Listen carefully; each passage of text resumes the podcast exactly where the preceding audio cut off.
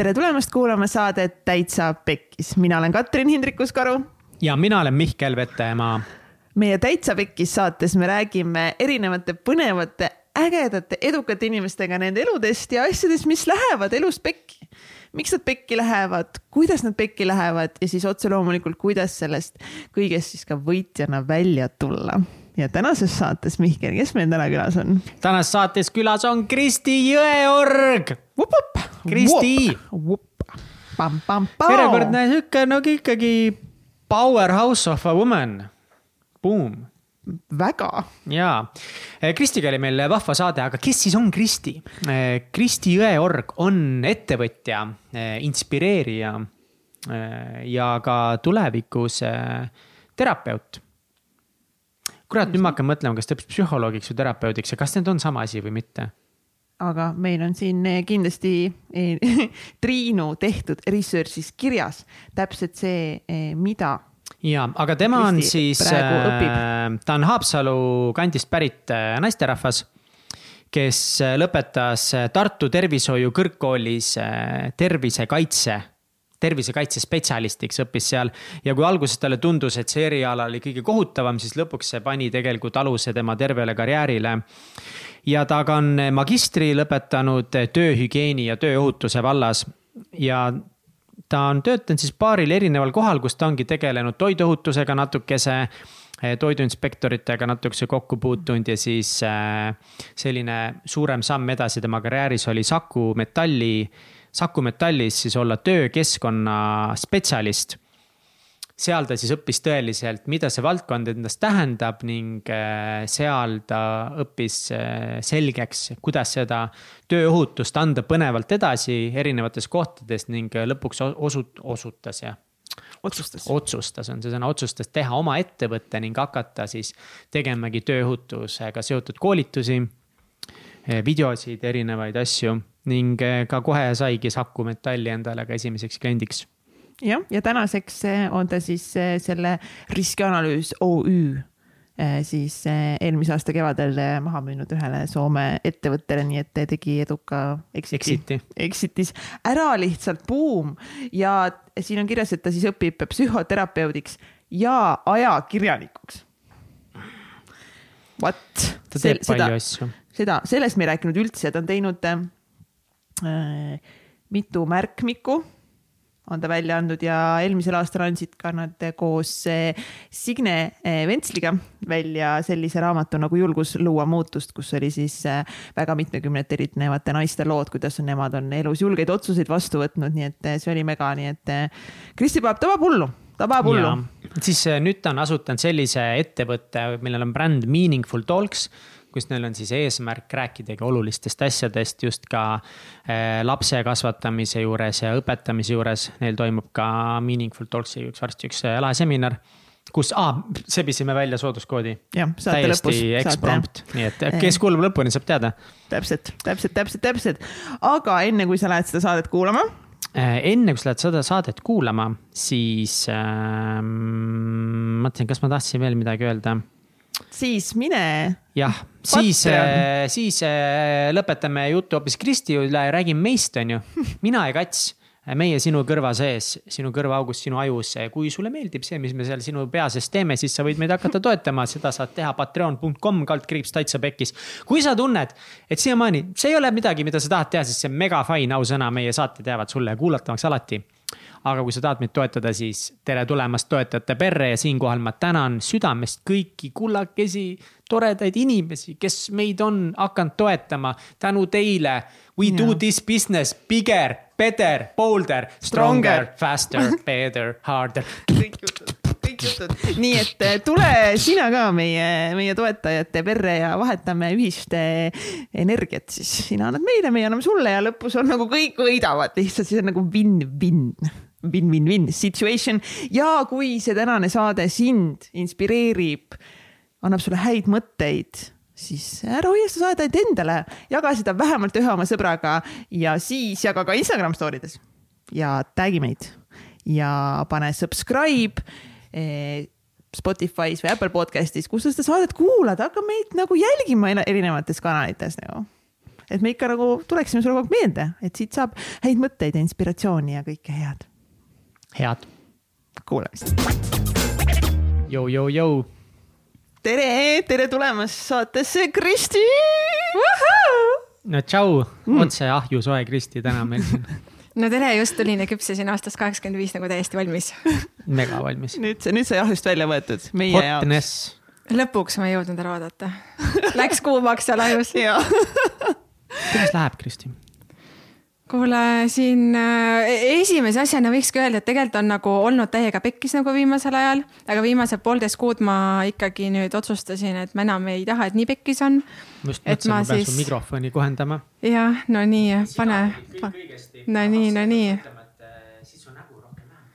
ja et, et noh, et tegelikult viimased poolteist kuud ma tunnengi, et üle sisuliselt seitsme aasta või on äh, on tegelikult saabunud see hetk, et kui keegi räägib, et meil on praegu selline äh, olukord riigis ja asi on nagu halvasti, siis ma nüüd tunnen, et, äh, et tegelikult nagu just on nagu kuidagi nagu täiega hästi yes..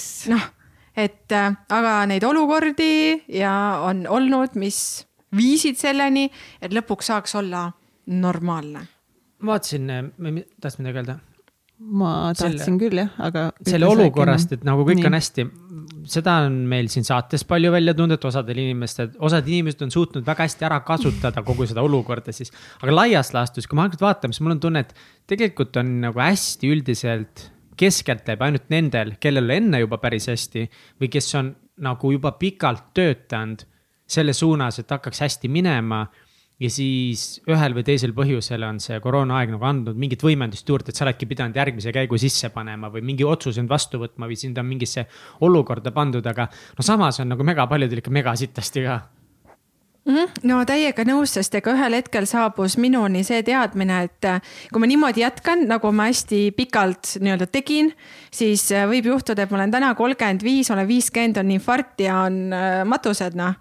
Mm -hmm.. et, et kui sa ikkagi täiega oma südant eirad ja püüad teda kasti panna ja elada teiste inimeste järgi, siis on see väga reaalne võimalus et, äh, et sa lihtsalt enam ei suuda, sest sul lihtsalt aju on nii koos omadega, sest sa teed nagu täiega valet asja kogu aeg.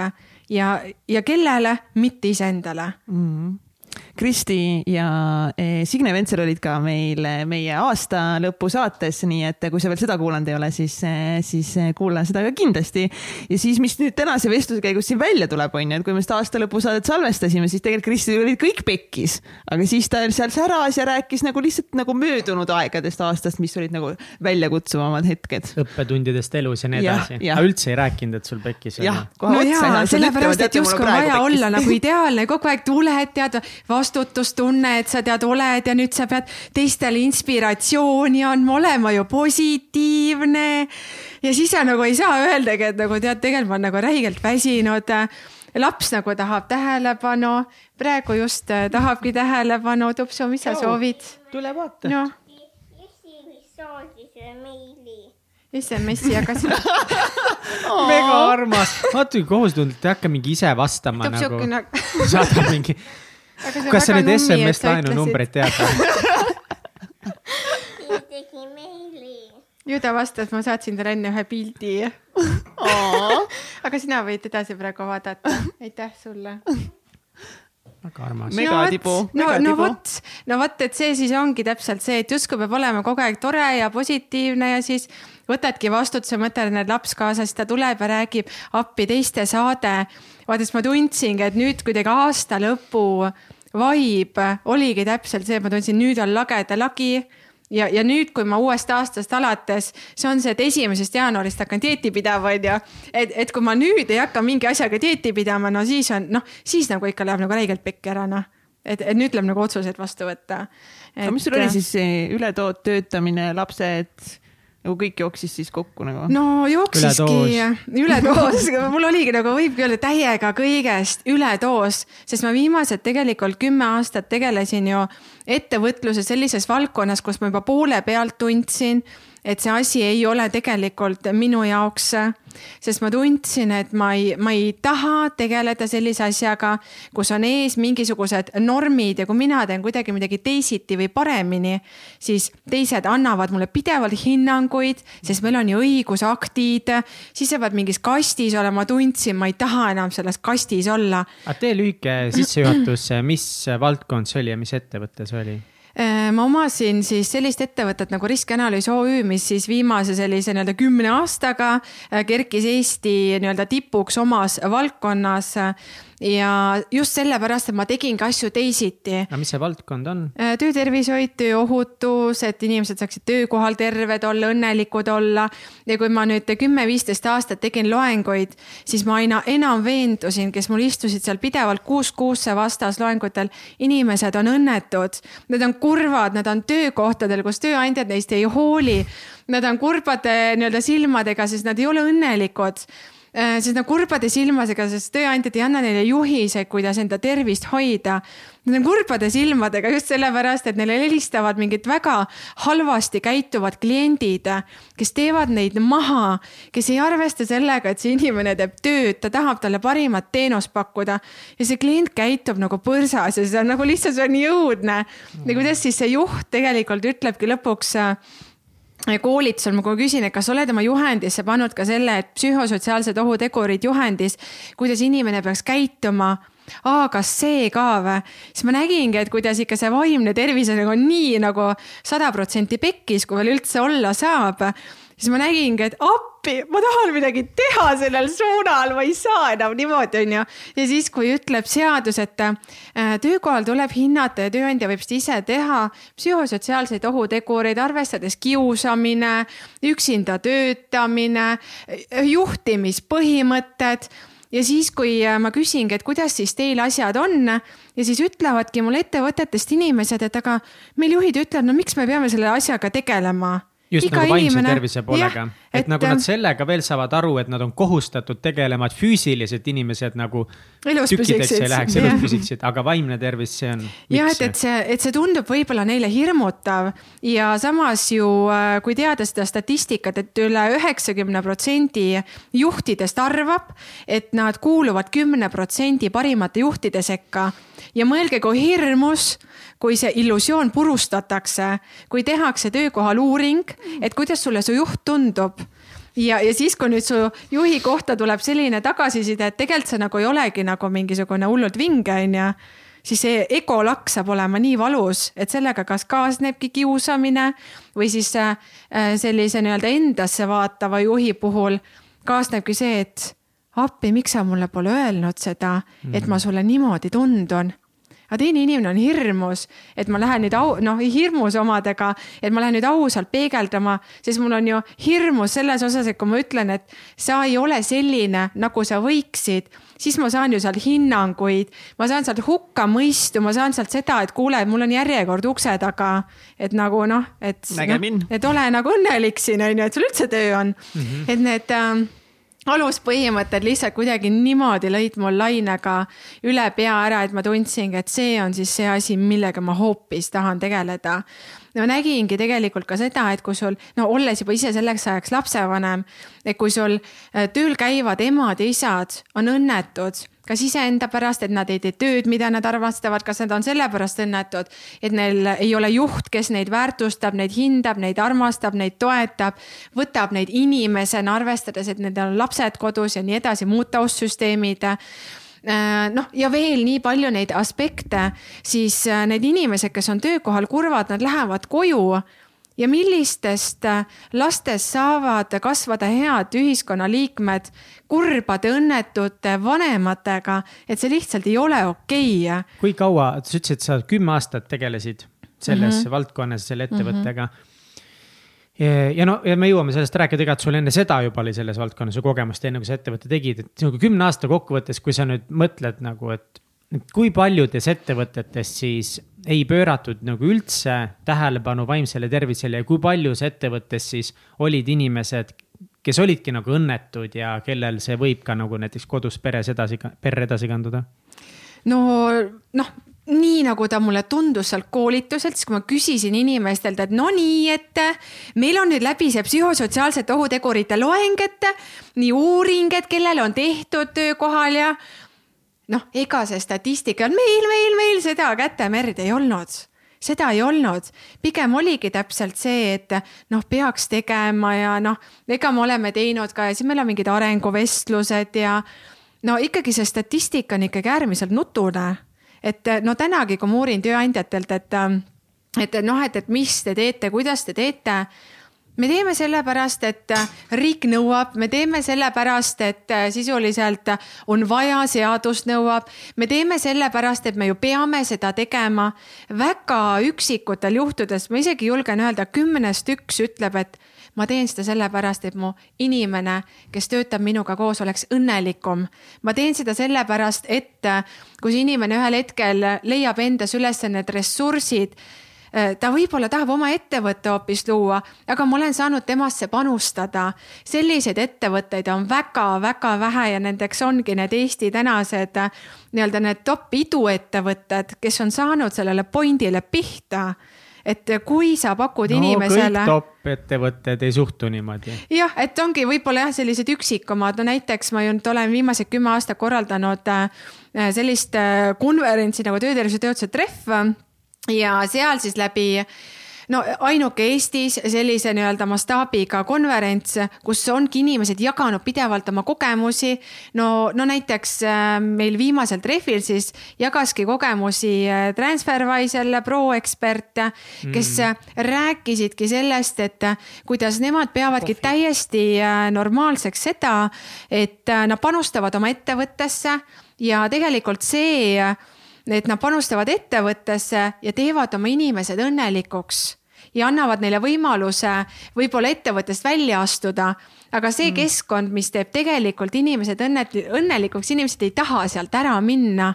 ja niimoodi ka ju tegelikult räägime pere kontekstist isegi. Et kui sa teed oma lapsed pere kontekstis õnnelikuks, nad ei taha ära minna, nad ei taha minna tänavatele uitama. Nad ei taha nii-öelda saada kriminaalideks, narkosõltlasteks.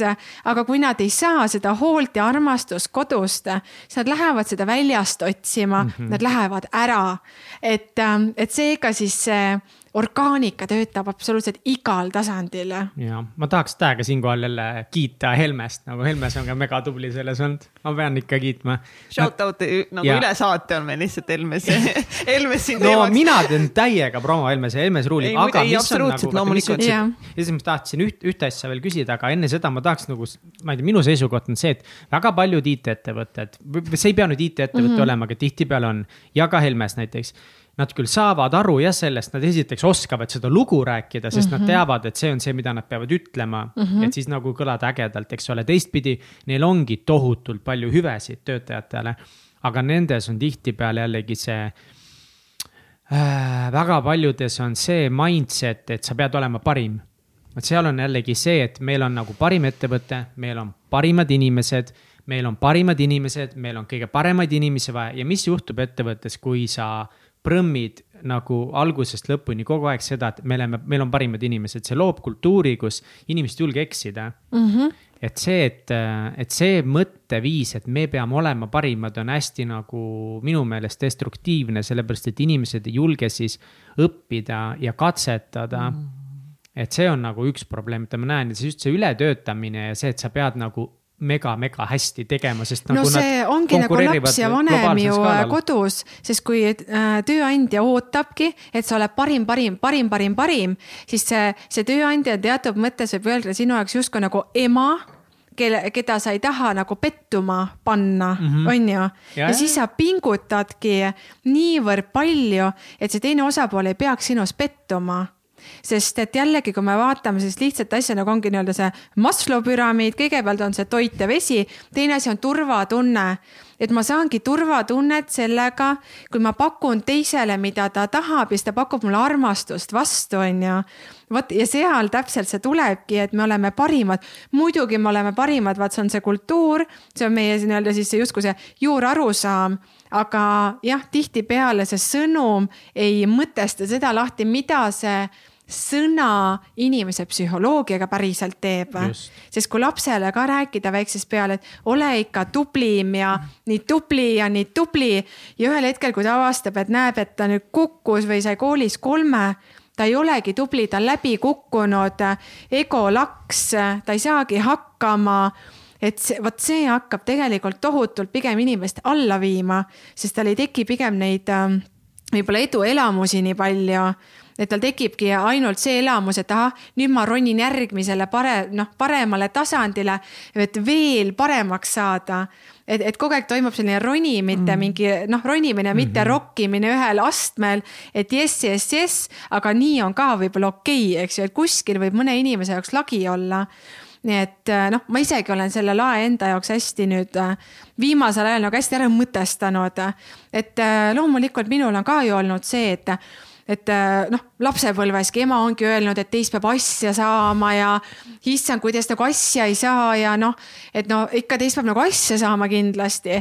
et see on nagu meeletu vastutus lapsele üle antud. et kui sinust asja ei saa, siis sa oled nagu paadialune, vaata. ja, ja, ja see on nagu kurb ja töökohal on täpselt sama, et, et kui sa hakkama ei saa, siis sa oled mitte keegi, sa ei sobitu meie sekka mm ja, ja see on, see on, see on nagu lihtsalt nagu vau, nagu nii raske vaata inimestele tegelikult. nii et jaa, et ma olen sinuga täiega samas paadis.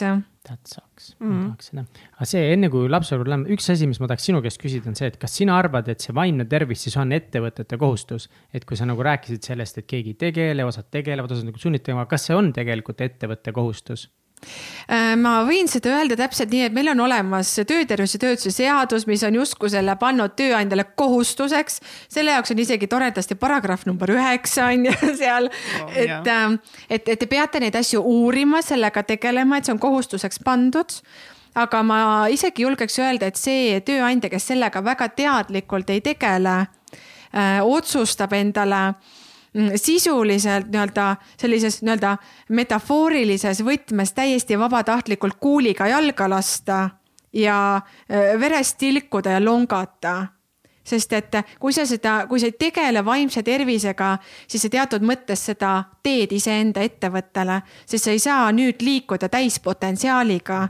sest sul on inimesed, kes tegelikult äh, nii-öelda noh on õnnetud ja võib-olla on kurvad või neid ei märgata, eks seda inimlikku poolt. ja see inimene, kes on ju kurb, keda ei märgata kes jääb kõrvale, kes peab teenima ainult kellegi teise huve, pangakontol ainult raha teenima, siis see inimene ühel hetkel ju põleb läbi ja ta ei suuda või ei tahagi enam pakkuda. ja ta lähebki teisele karjamaale, kus on võib-olla rohi rohelisem ja öeldakse, et kuulge, meil on siin nagu täiega nagu maalane rohi, et tulge meile. ja need head inimesed lähevad minema kõik. kas sul oli mingi tagamõte ka sellel küsimusel või? ei, ei olnud, et äh, see ongi nagu noh, see tagamõte on see, et äh, see on natuke see nagu haridussüsteemiga on mm, -hmm. et, mhm. et noh, et kas see on nüüd kooli kohustus, kuigi ma olen nagu nõus, et see on riigi kooli kohustus ja tegelikult see on ka pere nagu ülesanne äh, proovida last teha nagu uudishimulikuks võib-olla või kuidagi aidata tal õppida, aga, no, aga ma ei tea vastust, aga noh, tööga on nagu sama asi, et tegelikult meie vaimne tervis on ju ennekõike inimese enda vastutus, see on enda kohustus. vot see jah, vot selles mõttes ta on tõesti inimese enda kohustus, aga kui me räägime ettevõtte kontekstist mm -hmm. ja ettevõtlus on ju eesmärgiga tegelikult teenida kasumit ja, ja kui sa ei tegele nende ressurssidega, millega sul on vaja tegeleda, et kasumit toota vaat, et siis vaat see ongi see, see vastutus tuleb sulle orgaaniliselt, sest kui sa seda vastutust ei võta, siis ka sinu konto ei kasva sellises mm. mõttes. nii et see on nagu, et see, et, et kui tegeleda vaimse tervisega, siis see on põhimõtteliselt konkurentsieelis. väga tugevalt ma julgen öelda, et need inimesed ongi sinu brändisaadikud, nemad käivad, rokivad, räägivad Helmesest kogu aeg. jah. jah, vot et siis täpselt nii ongi noh ja Helme see pusad, särgid kogu aeg seljas ja nagu full on. Need hoiab sind mõnusalt soojas. tegelikult nagu see, mis ongi, Helmes on ainuke, paljud ettevõtted teevad seda hästi, aga mit-, noh, ongi, miks ma nagu olen rahul, ongi see, et ma tunnen, et minust seal hoolitakse mm. -hmm, yeah. ja ma olen nagu isegi selle meie ärisuuna juhiga, kes on siis meie jaoks nagu kõige tähtsam nagu äh, juht pärast, enne, peale tegevjuhi siis ja, ja ma ütlesin talle ka, et kui ma esimest korda sind nägin, et siis ma sain aru, et loomulikult te peate seda lugu rääkima, sest see on see, kuidas te saate endale need parimad inimesed nii-öelda, mina mm -hmm. ei ole mhm. kindlasti parim, mul joppas. aga, aga see on nagu see, see ongi see strateegia on ju, sa räägid mm -hmm. seda ilusat juttu ja sa maksad mingisuguseid tervisetoetust ja sporti ja siis sina saad palju kasumit. ja siis sa saad rikkaks ja siis sa oled uhke ettevõtja ja sa oled ja noh, need ärisuuna juhid on ju osanikud ja ne, see on kõik nende raha neile pärast. aga tead, mis on veel seal aga väga huvitav? lõpetasin mõtet, et äh, aga pärast seda, kui ma olin nagu pikka aega seal mm, -hmm. siis kui nad teevad seda piisavalt siiralt, siis tekib sihuke tunne, et kurat, et äkki nad päriselt ka nagu hoolivad, mitte ainult sellepärast mm, -hmm. et nad teavad, et siis läheb ettevõttel hästi ja ma arvan, et see ongi nagu see switch nagu, kus tegelikult inimesed hakkavad seda uskuma ja kus inimesed tunnevadki ennast päriselt turvaliselt, kui mm -hmm. nad hakkavad uskuma, et kurat, et see ikka vist ei ole ainult sellepärast, see on ikka sellepärast, et ta vist päriselt ka hoolib mm. -hmm no vot ongi minu arust see ongi see õige point, mis sa tõid välja, et äh, kui lubatakse, räägitakse, hüütakse välja, siis ka seda elatakse ehk seda päriselt ka tehakse, on ju. sest äh, vot see saab olla suurim pettumustunne üleüldse, kui lubatakse välja ja siis sa ei saa seda, mis on lubatud ja siin on see suur tohutu pettumustunne sees. ehk et pigem ma siis jah, tõesti julgekski seda öelda, et kui sa käid välja selle nii-öelda postulaadi või need lubadused, siis ole sada viiskümmend protsenti kindel, et sa kannad välja nende lubaduste täitmise osas. sest vastasel juhul sa toodad pettunud inimesi, kes lähevad ja räägivad tegelikult sinust kui tööandjast ikkagi üsna kehva lugu ja see sulle siis noh, nii-öelda neid eurosid kontole ei too, on ju absoluutselt aga lähme siis ja eh, Kristi lapsepõlve juurde, et eh, kuidas sinu lapsepõlv eh, möödus, me juba saime aru, et mingid sisestused sulle sealt anti, millega sa pead võib-olla täna tegelema, aga kuidas su lapsepõlv möödus? no mina mäletan, et minu lapsepõlv möödus karjalaudas äh,, ajades lehmi taga, öösel kell kolm ajades lehmi lauta, onju. et hästi sellises maa kontekstis, kus ema rabas tööd Äh, meil oli aiamaa, kus tead, oligi see, et aamen, mina mitte kunagi ei võta endal mingit aiamaad, see on katastroof, no täna mul on nagu aiamaa on ju. et äh, noh, et ähm, hästi palju sellist nagu maaelu ja tõesti, minu lapsepõlv oligi selline, kus mul vanemad ju läksid lahku äh, kus ma sain kogeda seda lapsena, kuidas vanemad lähevad lahku andmata lapsele informatsiooni, miks see juhtub. ehk et need on need täna minu õppetunnid, et miks mulle see psühhoteraapia väga meeldib. kui vana sa olid siis?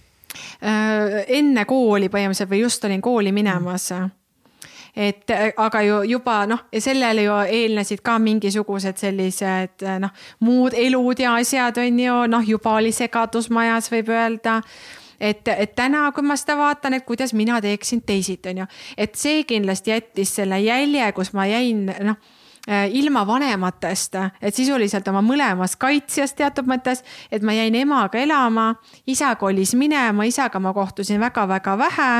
ja lõpuks, mis ju tegelikult juhtus, kuna ma käisin seal väga vähe, sest et noh, olidki ju sellised nii-öelda suhtluslikud errorid ja laps ikka ju siis jääb rohkem sinna, kelle noh, vanema juures ta nagu on ja siis ta ei taha teda reeta, vaata, sa ei reeda oma vanemaid või seda vanemat, kes sulle mm. leiva lauale toob. ja ühel hetkel ma sain surmakuulutuse oma isa kohta või noh, nagu teated eh, telefoni teel, et kuule, by the way, et noh, et suri ära, vaata Ol,. olgu, vot ja see on nagu see järgmine šokk. kui vana sa siis olid? äkki seitseteist või? jah wow et, et tuligi telefoni teel ja siis on matused ja vot siis oli ma okei okay,, aga siis noh, siis ma ei saanud aru, mida see tegelikult minuga tegi, et täna nii-öelda olles ise. mida sa tundsid siis? mis su emotsioonid olid? kindlasti see oli selline väga suur segadus äh, just sellepärast, et me olime vennaga juba tükk aega rääkinud, et me lähme talle kindlasti külla. me tahame talle kindlasti külla minna, aga me ei jõudnud ja me ei jõudnud ja kõige suurem õppetund sai olema see et kui sa tunned nüüd ja praegu, et sa pead midagi tegema, mine kohe nüüd ja praegu ja tee nagu kohe praegu tee seda, on ju. sest seda hetke ei pruugi enam mitte kunagi tulla, seda kordusvarianti, on ju. ja noh, meie jaoks siis ei tulnudki. nii et äh, noh, nüüd ma hästi palju olen tegelenud, ma tegelikult olen aru saanud, et äh, mis mind elus on hästi palju täna mõjutanud, et mul on isaga see nii-öelda sisuline leinaprotsess on läbimata, et ma ei ole tegelikult teda enda peas lahti lasknud. et ta käib minuga ikka kaasas, sest et kuna ma sain selle kõne, siis ma tegelikult oma peas veel kujutan ette, kuidas ta on seal kohas, kuhu ma talle täna külla läheksin. ehk et minu peas ta veel elab, ehk et aga et minna nii-öelda terve nagu mõistusega edasi, ma pean laskma tal minna ja mitte siis nii-öelda läbi elada seda ikka veel tänasel päeval, eks et nii-öelda tunda ennast sellest nagu puudutatuna. et kui sellest nüüd hullult pikalt rääkida, siis see on mingisugune väga korralik pisarakiskuja on ju. et noh, et ongi ilgelt kahju ja, ja, ja see on ka minule endale hästi suur õppetund tänasesse päeva. et kui mina, kui selline asi peaks juhtuma, mille vastu ma täiesti töötan, et see juhtuks. et mina peaks minema oma laste isaga lahku, kuidas see protsess oleks, on ju. kui näiteks noh ma isegi rääkisin, äh, ma ei tea, lapse isa surmast või millestki sellisest, et kui isegi näiteks koduloom peaks ära surema, et siis ei ole see koht, et ma lähen nüüd lapse eest, peidan selle lemmiku ära, et oma last nendest emotsioonidest säästa. see on tegelikult täiesti vale, laps peab saama selle emotsiooni läbi elada, ta peab saama selle protsessi mõtestada, ta peabki aru saama, et no mis oligi hästi kurb näide ühelt seminarilt, et et räägitakse kas kuskil lasteaias või koolis või vanem ei julge öelda, et näed, et ta suri ära, et teda enam ei olegi, nüüd ta on maa all ja ta ei tulegi tagasi ja see on elu osa, et täiesti ausalt rääkida sellest vaid räägitaksegi, et näed, nüüd on ingel taevas ja nüüd ta läks taevasse ja on päris sündinud lugu, kus kolmeaastane laps tahtis ka ingliks saada pärast seda ja ta proovis aknast välja hüpata. ehk et selliseid asju peab väga mõtlema, mida sa räägid, eks. nii et, et noh, et see kõik on minule nii-öelda selle konteksti toonud. tahtsid pikke teha või? Mihkel nüüd aitab sind ja, ja see on iPhone versus Android. aga, aga mida sa, kas sa mäletad lapsena, mis need emotsioonid olid, et võib-olla siis, kui nagu sulle siis lõpuks öeldi nüüd, et oh, nüüd me lähme mm -hmm. lahku või mm, -hmm. ja mis need emotsioonid olid, kui sa olidki mingi seitsme-kaheksa aastane, sa olid üksi kodus, isa ei näe. Kuidas sa emotsionaalselt tundsid ennast? tead, seda on üsna keeruline kirjeldada tagantjärgi just sellepärast, et noh, ma hiljem sain teada tegelikult noh, seda, et mu isa tegelikult tahtis mind endale saada ja käis lausa noh, mu ema pidi kohtusse minema sellepärast, et mu isa ei saaks mind nagu endale võtta ja noh, et ikkagi vaatavad sellised nagu laste võitlused asjad toimuvad. ja vot, ja see on nagu hästi destruktiivne mõlemale vanemale ja veel lapsele, sest tema on seal keskel tegelikult. et tema ju sisuliselt tegelikult kaotab vanemad. ja vot sellest on lapsevanematel vaja kõige rohkem aru saada, et kui minnaksegi lahku ja laiali, siis tõenäoliselt ma usun, et ma olin täiega kurb. ma usun, et ma olin nagu täiega, ma olin nagu kindlasti väga kurb, aga ma ei osanud seda välja näidata, ma ei osanud seda selliselt tunda või väljendada aga need protsessid kindlasti minu sees käisid, sest lapsele, olgu vanemad millised tahes, on vanemad kõige tähtsamad inimesed maailmas ja selle vastu ei saa mitte, noh, mitte midagi. ja siis isegi lapse käest, mm, keda näiteks vanem, noh ma ei tea, on talle vitsa andnud või midagi sellist, küsitakse, kas sa armastad oma ema ta loomulikult nagu ütleb, et armastad oma isa, muidugi armastan, vaata. et, et see on nagu selline basic, aga see, mis ta tegi, see oli küll noh, vot see oli nagu halb, on ju.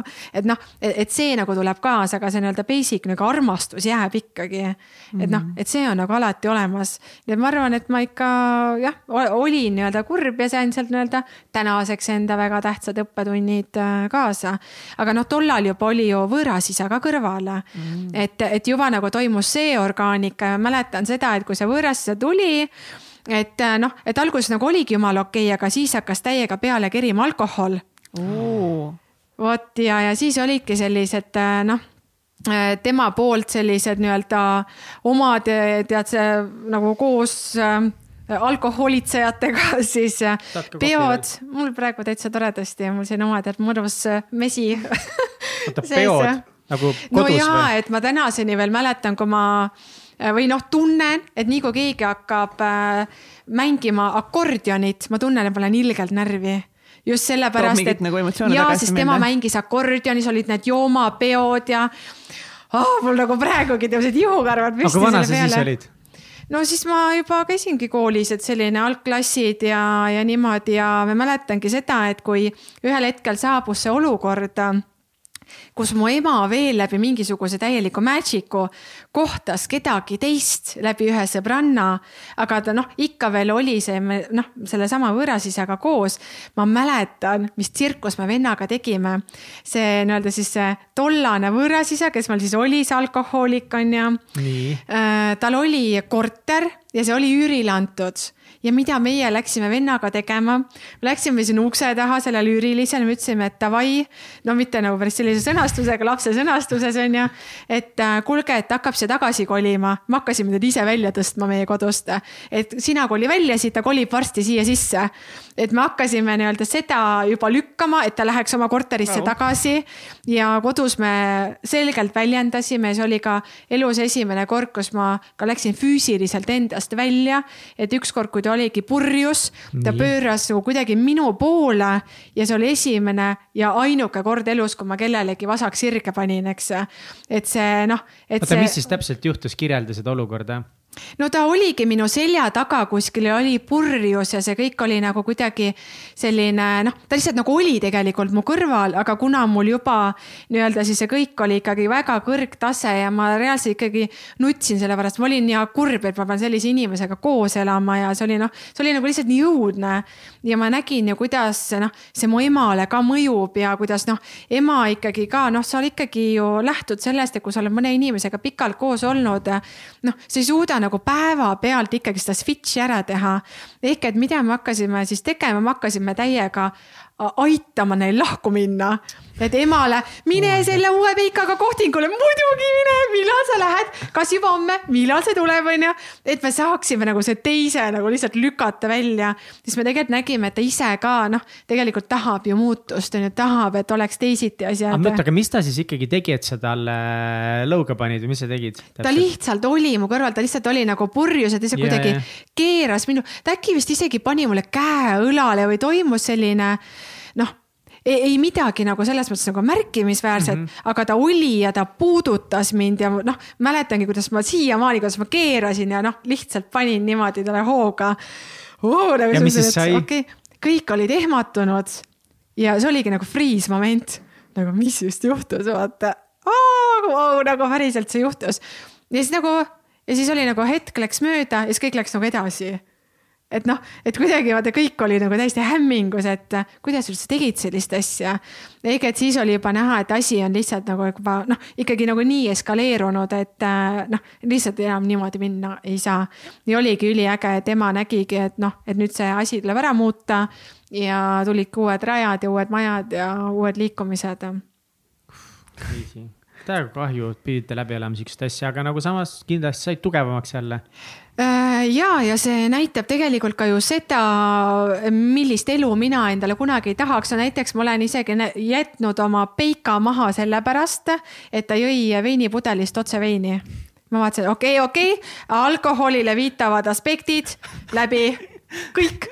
nii. no ju ei olnud väga pikk suhe olnud jah, ta oligi äkki mingi paar kuud olnud jah ja, ja, okay. ja, ja siis oli teine Peika, kes läks äh, purjus peaga, kui ta siis oli, ta oli nagu liiga seltskonna lõvi ja ta muutus, oli siis oo, oo, ta siuksed nagu teate, purjus laulud ja asjad. ja siis ma vaatasin, et olgu, et sina pole ka päris minu tüüpi, et, et, et ja läbi noh, et ma hästi teadlikult õppisin ennast kaitsma asjade eest mida ma ei taha kogeda tulevikus. et see tõesti andis mulle selle suure teadmise ja selles mõttes ma olen ikkagi täiega uhke enda üle, et ma ei läinud seda mustrit pidi. ei noh, nii-öelda jäänud sinna kuidagi kinni või et see oleks nagu justkui normaalsus, kui me räägime igasugustest mustritest. vaid et ma õppisingi, et okei okay,, nagu seda jama ma kindlasti läbi ei ela. et mina valin endale teistsuguse tuleviku ja teistsuguse nii-öelda elu oma lastele tulevikus. kas sinust siis tänu nendele kogemustele sai karsklane tulevikus? kindlasti mitte, aga ma joon veini ja teinekord nagu pluss nagu palju on ju noh, et noh, et ikka nagu inimestel võib ju juhtuda, on ju. aga selle kõige juures olen ma teadlik, et ma noh ma ei saa rääkida kunagi tsüklitest või ei tea millestki sellisest yeah, yeah. asjast on ju, mis kaasneb alkohoolikutega et ma võtangi pokaali veinigi, eks. ma naudin ja ma mõtestangi, et ma joon mitte selleks, et purju jääda, et mingite murede või ei tea mille ees põgeneda. vaid et ma võtan, et ma sellel hetkel tunnen, et mul nagu on soolikas selle jaoks, ma lihtsalt tunnen, et hetkel on see õige hetk kõik mm, -hmm. ongi sõpradega on tore. mäletan, kui me oleme teinud Portugali neid villareise siis äh, noh, ongi see, et vein voolab, on ju tore no, sõpradega. mis pokaalist me siin räägime? jah, et vot ongi olukord, aga see ei tähenda jah, et, et karsklane on must saanud, aga ma olen selle kõige juures hästi teadlik äh, kohal mm -hmm. nii-öelda. mis su elust edasi sai, et äh, pärast põhikooli?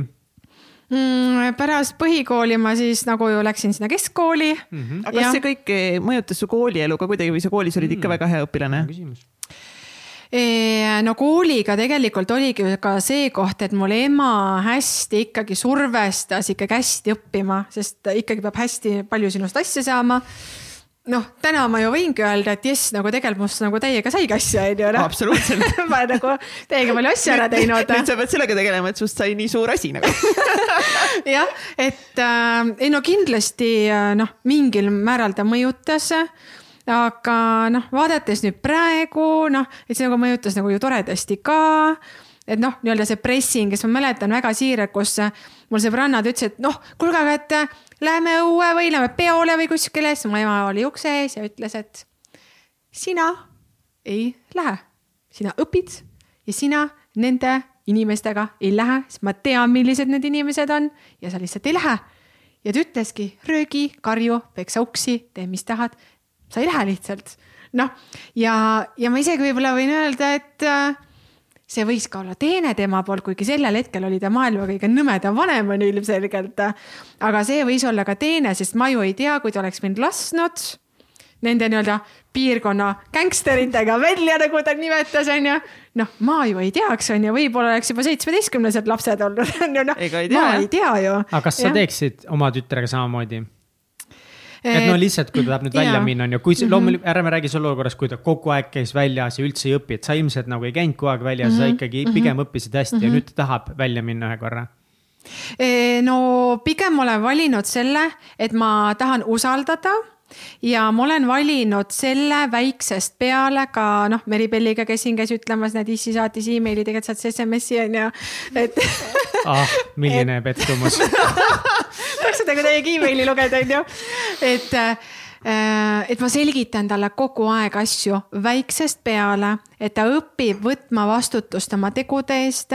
ta saab aru näiteks, kui noh, äh, täna ta tuligi minu juurde jutuga, et näed, et ma olin mängutoas. üks äh, vene tüdruk viskas teist vene tüdrukut mänguga pähe. teine vene tüdruk hakkas nutma siis ma küsisin tema käest, et mis sa arvad, kas tüdruk tegi õigesti või valesti. valesti tegi, noh, et kas sina teeksid sellist asja? Ei teeks, sellepärast et teisel lapsel oli valus ja ta on kurb, on ju. Et ma teen hästi palju selliseid protsesse taga läbi. no näiteks noh, väiksem pereliige meil, üheaastane tütar. Kui äh, no näiteks nad omavahel catch ivad või äh, suurem tahaks väikest mängust välja jätta, siis äh, tegelikult tahad pissile minna, Topsu või? Triin, kas sa viiksid ta pissile, jah, aitäh ja aitäh. Shout out to Triin, kes täna meiega siin on et ähm, no näiteks, et tahab ta mängust välja jätta ja siis ma küsin ta käest, et aga proovi ette kujutada, et kui sina mängiksid praegu sellises seltskonnas, kus on kaks suuremat tüdrukut ja sind jäetakse mängust välja, mis tunne sul tekiks? no tegelikult ma oleksin kurb. no aga mõtle, et aga praegu Miia peal on ka kurb, sellepärast et sa lükkad ta eemale. vot, vot selliseid mõtestamisi ma tegelikult teen päris palju noh, jaa. no aitäh no. Parenting one on one on siin praegu meil.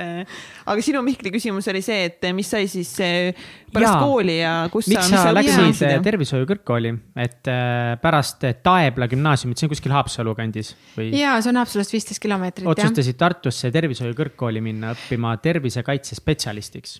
issand, kui tark, kuidas sa tead, vaata, spionaaž, spionaaž, vaata. Why, why, why? Ähm, ma tegelikult teadsin seda, et ma tahan midagi äh, inimese, midagi tervise, mingi sellise asjaga aga kuna ma esimese hooga sinna sisse ei saanud, ma jäin täpselt joone alla, siis mm. ma tegelikult kinnitasin Tallinna Majanduskooli, ei issand, see oli mingi Majaka tänaval kool, teenindus, issand, seal on üks kool. jah, äkki ka jah.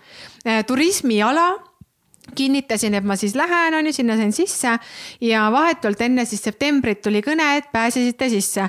mul oli, et uhuu, olgu, ma tulen ja teise siis ütlen ära, et ma siis ei tule, on ju, siis no miks te nii hilja tulete, on ju, ütleme, et ei tule enam, on ju. nii, aga noh, et, et siis ma läksingi Tartusse, sest ma teadsin, et ma tahan midagi sellist. ja ma mäletan ka hästi selgelt just seda, et kui ma mälet-, noh lõpetades seda kooli ma veel helistasin oma emale ja ütlesin, et kas sa tead, ma peaaegu nutsin, ma sain mingi ilgelt nõmeda hariduse. kuhu ma lähen sellega, riigiametisse, teenin väikest raha, onju. noh, et issand nagu, et nagu. pärast appi. seda, kui sa lõpetasid eh, tervishoiu kõrgkooli. jah et, et ma al-, ma alguses arvasin, et ma sain kuidagi sellise hariduse, millele ma ei näinud sellist pika hea perspektiiviga väljundit. ja mis siis hoopis juhtus, ma lõin siis selles valdkonnas hoopis Eesti ühe parima ettevõtte, on ju. et, et see hoopis nii-öelda keerdus nii-öelda nagu teistpidi et alguses ma läksin Veterinaar-Toiduametisse hoopis toiduohutuse peale, siis ma sain tegelikult aru, et mul kuidagi seda toidubakteri armastust ei ole nii sellisel väär-, noh nagu määral.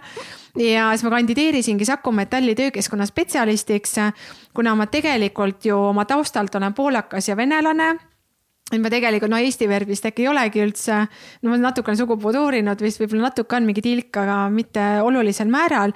et siis ka minus on natukene see nii-öelda see äh, vene temperamendi geen sees ja ma pidin siis võistlema tööle saades ühe väga sellise pika staažiga meesterahvaga ja just sellises kontekstis, et kuidas sa suudad vene keelega hakkama saada, siis meil siin vene noh, seltskonda on väga palju. ja siis mul küsiti, et noh, et aga, et ütle siis nüüd sellele vene mehele, kuidas sa ütleksid, et pane jalga turvajalanõud endale. mul oli, et etsi, tuda, nada ja siis oli näha, et olgu sa saad hakkama, noh, tule siis onju et noh, et, et ma siis progressis õppisin, et kuidas siis seda vene keeles korrektselt väljendada, aga nad noh, nägid, et ma saan hakkama ja no ja sealt siis tegelikult ma nägingi, et tegelikult see kooliharidus on ikkagi noh, päris äge, kui sa oskad näha sellest teistsugust nii-öelda väljundit. et kui sa julged tahta midagi kuidagi muud või Äh, näha mingit suuremat pilti ja sealt hakkaski kogu see asi minu jaoks minema, kus ma sattusin Euroopasse, Eestit esindama. Brüsselis pidin istuma mingite meestega seal tead mingeid paberihunnikuid läbi töötama. ma esindasin siis äh, Eesti Tööandjate Keskliitu sellises projektis nagu POSMIP ja me kolmandatele riikidele õpetasime, kuidas siis äh, luua tööohutussüsteeme. Ehk ma siis riiklikul tasandil uurisin, kuidas meil siin asjad käivad õpetasin seda teistele ja läbi selle tegelikult ma sain selle kogemuse, mida ma tegelikult teha ei taha ma ei taha surfata kuskil paberites, see ei meeldi mulle, ma tahaks tegelikult tegeleda mingi päris asjaga. ja läbi selle siis ma tegelikult ka Saku Metallist sain aru, et äh, vau, et peale nelja seina on nagu rohkem seinu väljaspool ka vot ja sealt hakkaski kuidagi kõik see niimoodi kasvama. et sellest haridusest, millest ma alguses arvasin, et justkui pole mitte midagi, sai midagi ülivinget kuidas sul see et, oma ettevõtte loomise idee tuli ja, ja räägi sellest protsessist ja mõttekäigust enne seda ja siis, kui sa hakkasid asutama, et kuidas see kõik läks mm? -hmm mind äh, kutsuti loenguid lugema, et öeldi, et oo, me oleme sind märganud, sa nagu kuidagi selles valdkonnas tundud, et nagu räägid täitsa toredat juttu. et meil on algamas sellised koolitused, et tule lektoriks. ma ütlesin, olgu, täiega tulen ja hakkasin lugema siis tööohutuse loenguid. ja kui ma neid lugesin, põhimõtteliselt ma lugesin neid niimoodi, et tööohutus, teate, see on lihtsalt, see on lihtsalt nagu maailma kõige vingem asi see, millega teie tegelete, see töökoht, no mina ei tea, aga no tööohutus on nagu kõige vingem. noh, ja see. ei lugenud kuivalt ühesõnaga jah ja siis hakkas sealt kuidagi tulema sellised, et kuulge, kui teile see tööohutus nii hullult meeldib, et tehke meil ka see korda. ma ütlesin, oo kuulge, ma nagu ei, ma nagu töötan, et ma nagu praegu ei saa teha, vaata noh, et kuidagi vaata hakkas tulema sellist tagasisidet, et vau, et issand, tööohutus polegi nagu selline kuiv ja jama teema onju ja, ja siis äh, tekkiski tõesti see kogemus, et äh, ma sain teenistuse juba mitu kuud järjest kolme päeva eest sama palju, kui ma teenisin töötades ühe terve kuu kellegi jaoks. ja siis ühel hetkel ma siis äh, käisin ära ka ma mõtlen, see oli vist pärast või enne appi, ma ei mäleta, kuidas see ajastus oli. igatahes ma käisin ka Harveikeri äh, Millionaires Mindi koolitusel mm.. aga mul on ikkagi tunne, et ma ikkagi vist käisin pärast seda otsust alles. ikka USA, USA mm. raamatumüügi kontekstis juba käisin seal ja, et äh, siis ja, ja kuidagi oligi mingi klikk peas wow,, oota, midagi nagu täiega valesti. oota, sa siis läksid kuskile teisse ettevõttesse, kutsuti sind rääkima tööohutusest? ja, et ma. teistesse ettevõtetesse, aga äh, siis sul oli. avalikus koolitusasutuses ei olnud veel mm., et ma lihtsalt käisin niisama nii-öelda oma siis noh, kokkuleppel tööajast noh ja niimoodi, eks mm. -hmm. ja, ja sealt ma nägingi seda, et vau, vau, et summa vahe. nii head raha anti kohe. et nice. nagu, et olgu midagi nagu väga valesti, on ju. no ja siis ma otsustasin. kui vana sa siis olid? ma olin siis äkki selline kakskümmend mingisugune üks või kaks või? Pole paha. et no ma nägingi, et olgu, et saab ka teisiti et äh, õnneks jällegi, mis saab ka teisiti varianti, julgustas mulle tollane elukaaslane. sest ta mitu korda ikkagi ütles mulle seda, et kuule, miks sa oma ettevõtet ei tee, noh, sa ju tead seda asja niivõrd hästi. et sealt tuli ka kindlasti see tugi, miks ma noh, ka arvan, et ma lõpuks selle sammu ära tegin ja, aga noh, see ikkagi nii-öelda tuli minu seest ja ma ise taipasin, et midagi on nagu valesti, et ma saan ka väljapoole pakkuda. ja siis ma otsustasingi, et davai, et äh, ma katsetan noh, et ma ei saa teada tegelikult, kui ma seda sammu ei, ei tee. ja läksingi siis tööandja juurde, ütlesingi, et äh, kuulge, et nüüd on tegelikult nagu niimoodi, et ma nüüd siis läheks nagu töölt ära. ja siis nad ütlesid, et ära mine, et kuulge, et äkki siin tead, saaks mingi kokkuleppele peale või midagi, noh. ja siis ma ütlesin, no olgu, millisele kokkuleppele me siis saame. siis, aga et paku siis meile ka teenust, vaata noh, siis minu esimene klient oligi siis Saku Metall võib öelda. aga enne seda, kui sa läksid nende jutule nagu, et see ongi mhm. vaata, et, ühesõnaga sa nägid vaeva õppisid mingi asja ära mm, -hmm. võtsid vastu otsuse, olid julge, läksid mm -hmm. tööandjaga rääkima, on ju, et sa mhm. tegid õigeid mm -hmm. samme. aga sul oli mingeid hirme ka või mingeid muresid enne seda, kui sa läksid niimoodi rind kummis tööandja juurde, et ma lähen minema, mul mm -hmm. ootab raha. ei, eks ma nagu muidugi põdesin, sest mul oli ju üürikorter. Mul oli auto, mul olid püsikulud. aga mida ma siis hästi teadlikult otsustasingi teha, ma müün auto maha selles mõttes, et kulusid äh, limiteerida. rääkisin siis noh, elukaaslasega siis läbi, et kuidas me siis võiks nagu kuidagi kulusid nagu jagada ja, ja et noh, kuidas ongi seda üüriteemaga nagu toime tulla et noh, et need asjad ma enda jaoks siis ikkagi mõtlesin läbi, et teadlikult viisingi igasugused kulud äh, võimalikult äh, nulli. Aga muuseas, sellele tegelikult eelnes hoopis üks mingi väga huvitav case mul vend oli juba käinud kaks aastat USA-s raamatuid müümas ja ta ütles mulle, Kristi, sa pead tulema USA raamatuid müüma. siis ma ütlesin, et äh, no ei, no tegelikult, tegelikult täiega põdesin ju, et mis asja, aga ei, mina ei saa tulla, ma käin nagu tööl on ju, ma ei saa tulla. ja vabandust, otsimine. no ja siis äh, vend ütleski niimoodi peale seda, noh, kui ma vaata nüüd olingi töölt ära tulnud sisuliselt jah, et ma julgengi öelda, et ma müüsin ära oma auto ja tõmbasin kul, noh, kulud nulli ja siis lihtsalt tegingi selle sammu ära, lõin ettevõtte ära, siis mul juba hakkas kliente sisse lendama kohe selles mõttes. ja mul see hirmumoment lihtsalt ei jõudnud mul olla isegi eriti, sest juba taheti saada teenust, juba taheti koolitust, noh. mul nagu tõmbas äh, täiega hokistikki selles mõttes kohe alguses ja ma julgen öelda, miks, sest kirg oli seal, sest see, kuidas ma seda asja tegin mm., inimesed nägid, et Isver super kui vinge, sinul läks täiega ostaks, on ju. ja, ja niimoodi see asi hakkas lendama. ja mul see hirmumoment oli hästi viiv, noh, viivuks. oota, aga see siis äh, ma pean tunnistama, korra nagu face in out'i peale, aga sa läksid see raamatuid müüma või ei läinud? Läksin, nii, ja, ja nüüd siis ongi nagu see koht. tulin töölt ära, tegin ettevõtte ära äh,. siis Remo tuligi mul jutuga, et. ja vot seda ma guugeldasingi siin, ma hakkasin mõtlema, et Jõeorg, ma olen alati sinuga sinust rääkides, kui me sina, ma, ma, ma sain, kuulsin sinust vaata eelmise aasta keskel yeah, kunagi niimoodi, kui yeah, sa tulid meie yeah. pildile, ma kogu aeg mõtlesin, et nii tuttav nimi on Jõeärg, aga praegu just guugeldasin, kurat, et kas Remo on su vend või? no vot siis, Remo Jõeärg, tšau. täitsa pekkis no lahe, väga no, vinge. no vot ja siis tema ütleski, et no nii, aga nüüd sul ei ole ju töökohta, mis on su vabandus. sul ei ole autoliisingut, mis oli su vabandus. ja ega sa nüüd siis tuled või? Olgu, ma siis tulen, nii. ja siis oligi minu jaoks suur väljakutse, et äh, aga nüüd mul on ettevõte ju. aga siis oligi see koht, olgu, ma tulen ja ma delegeerin oma ettevõtte ära ja sealt sai minu kõige suurem delegeerimise õppetund, mis saadab mind tänase päevani. ehk et ma võtsingi ühe sõbranna. ma ütlesingi, näed, mul on need kliendid. Ma leidsin meil ühe teenusepakkuja sinna juurde, eks veel ühe spetsialisti ettevõttesse. Mm, ja tema siis põhimõtteliselt hakkaski mul klientidega suhtlema.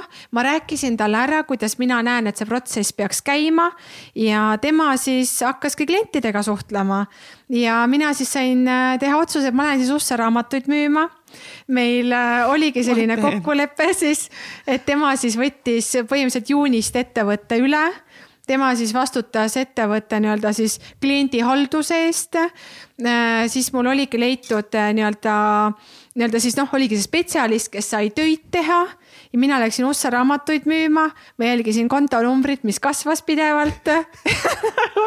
Vaatasin, et issand nagu kui vinge noh, et. Äh, aga sa no, pidid olemas ka olema tema jaoks või ta ei, sai täiesti ise hakkama? ta sai täiesti ise hakkama, loomulikult oli seal rämedaid ämbreid aga delegeerimise õppetund selle kõige juures oligi see, et kui ma kaasan kedagi läbi delegeerimise, siis ma pean alati oma peas hakka-, nagu ikkagi suutma aru saada, et see teine inimene ei ole mina.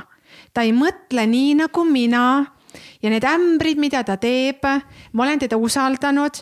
Selles ma ei saa teda süüdistada, sest ta sellel hetkel tegi oma parima arvates noh, nii nagu sellel hetkel on ja sellest kõigest me saame õppida ja vaatame, et okei okay,, nii läks, kuidas me saame edaspidi teisiti ja loodame, et lihtsalt, et see ämber ei lähe väga palju. mis olid mõned maksma. ämbrid, mis ta siis tegi? no issand, raha, rahateemad olid peamiselt need ämbrid mm -hmm. siiski.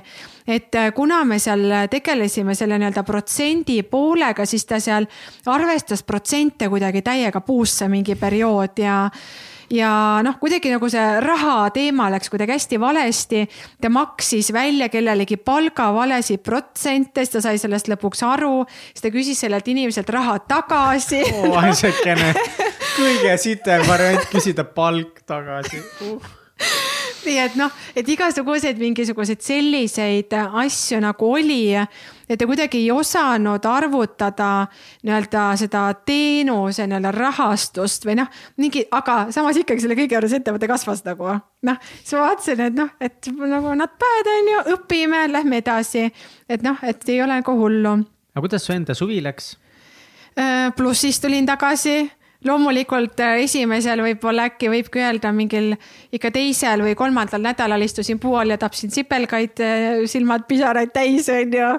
et mida pekki ma siin teen, on ju, siin tead, pean minema koputama. jah, enda nüüd äri kasvab seal Eestis on ju. mõtlesin, et mida kuradit ma teen siin.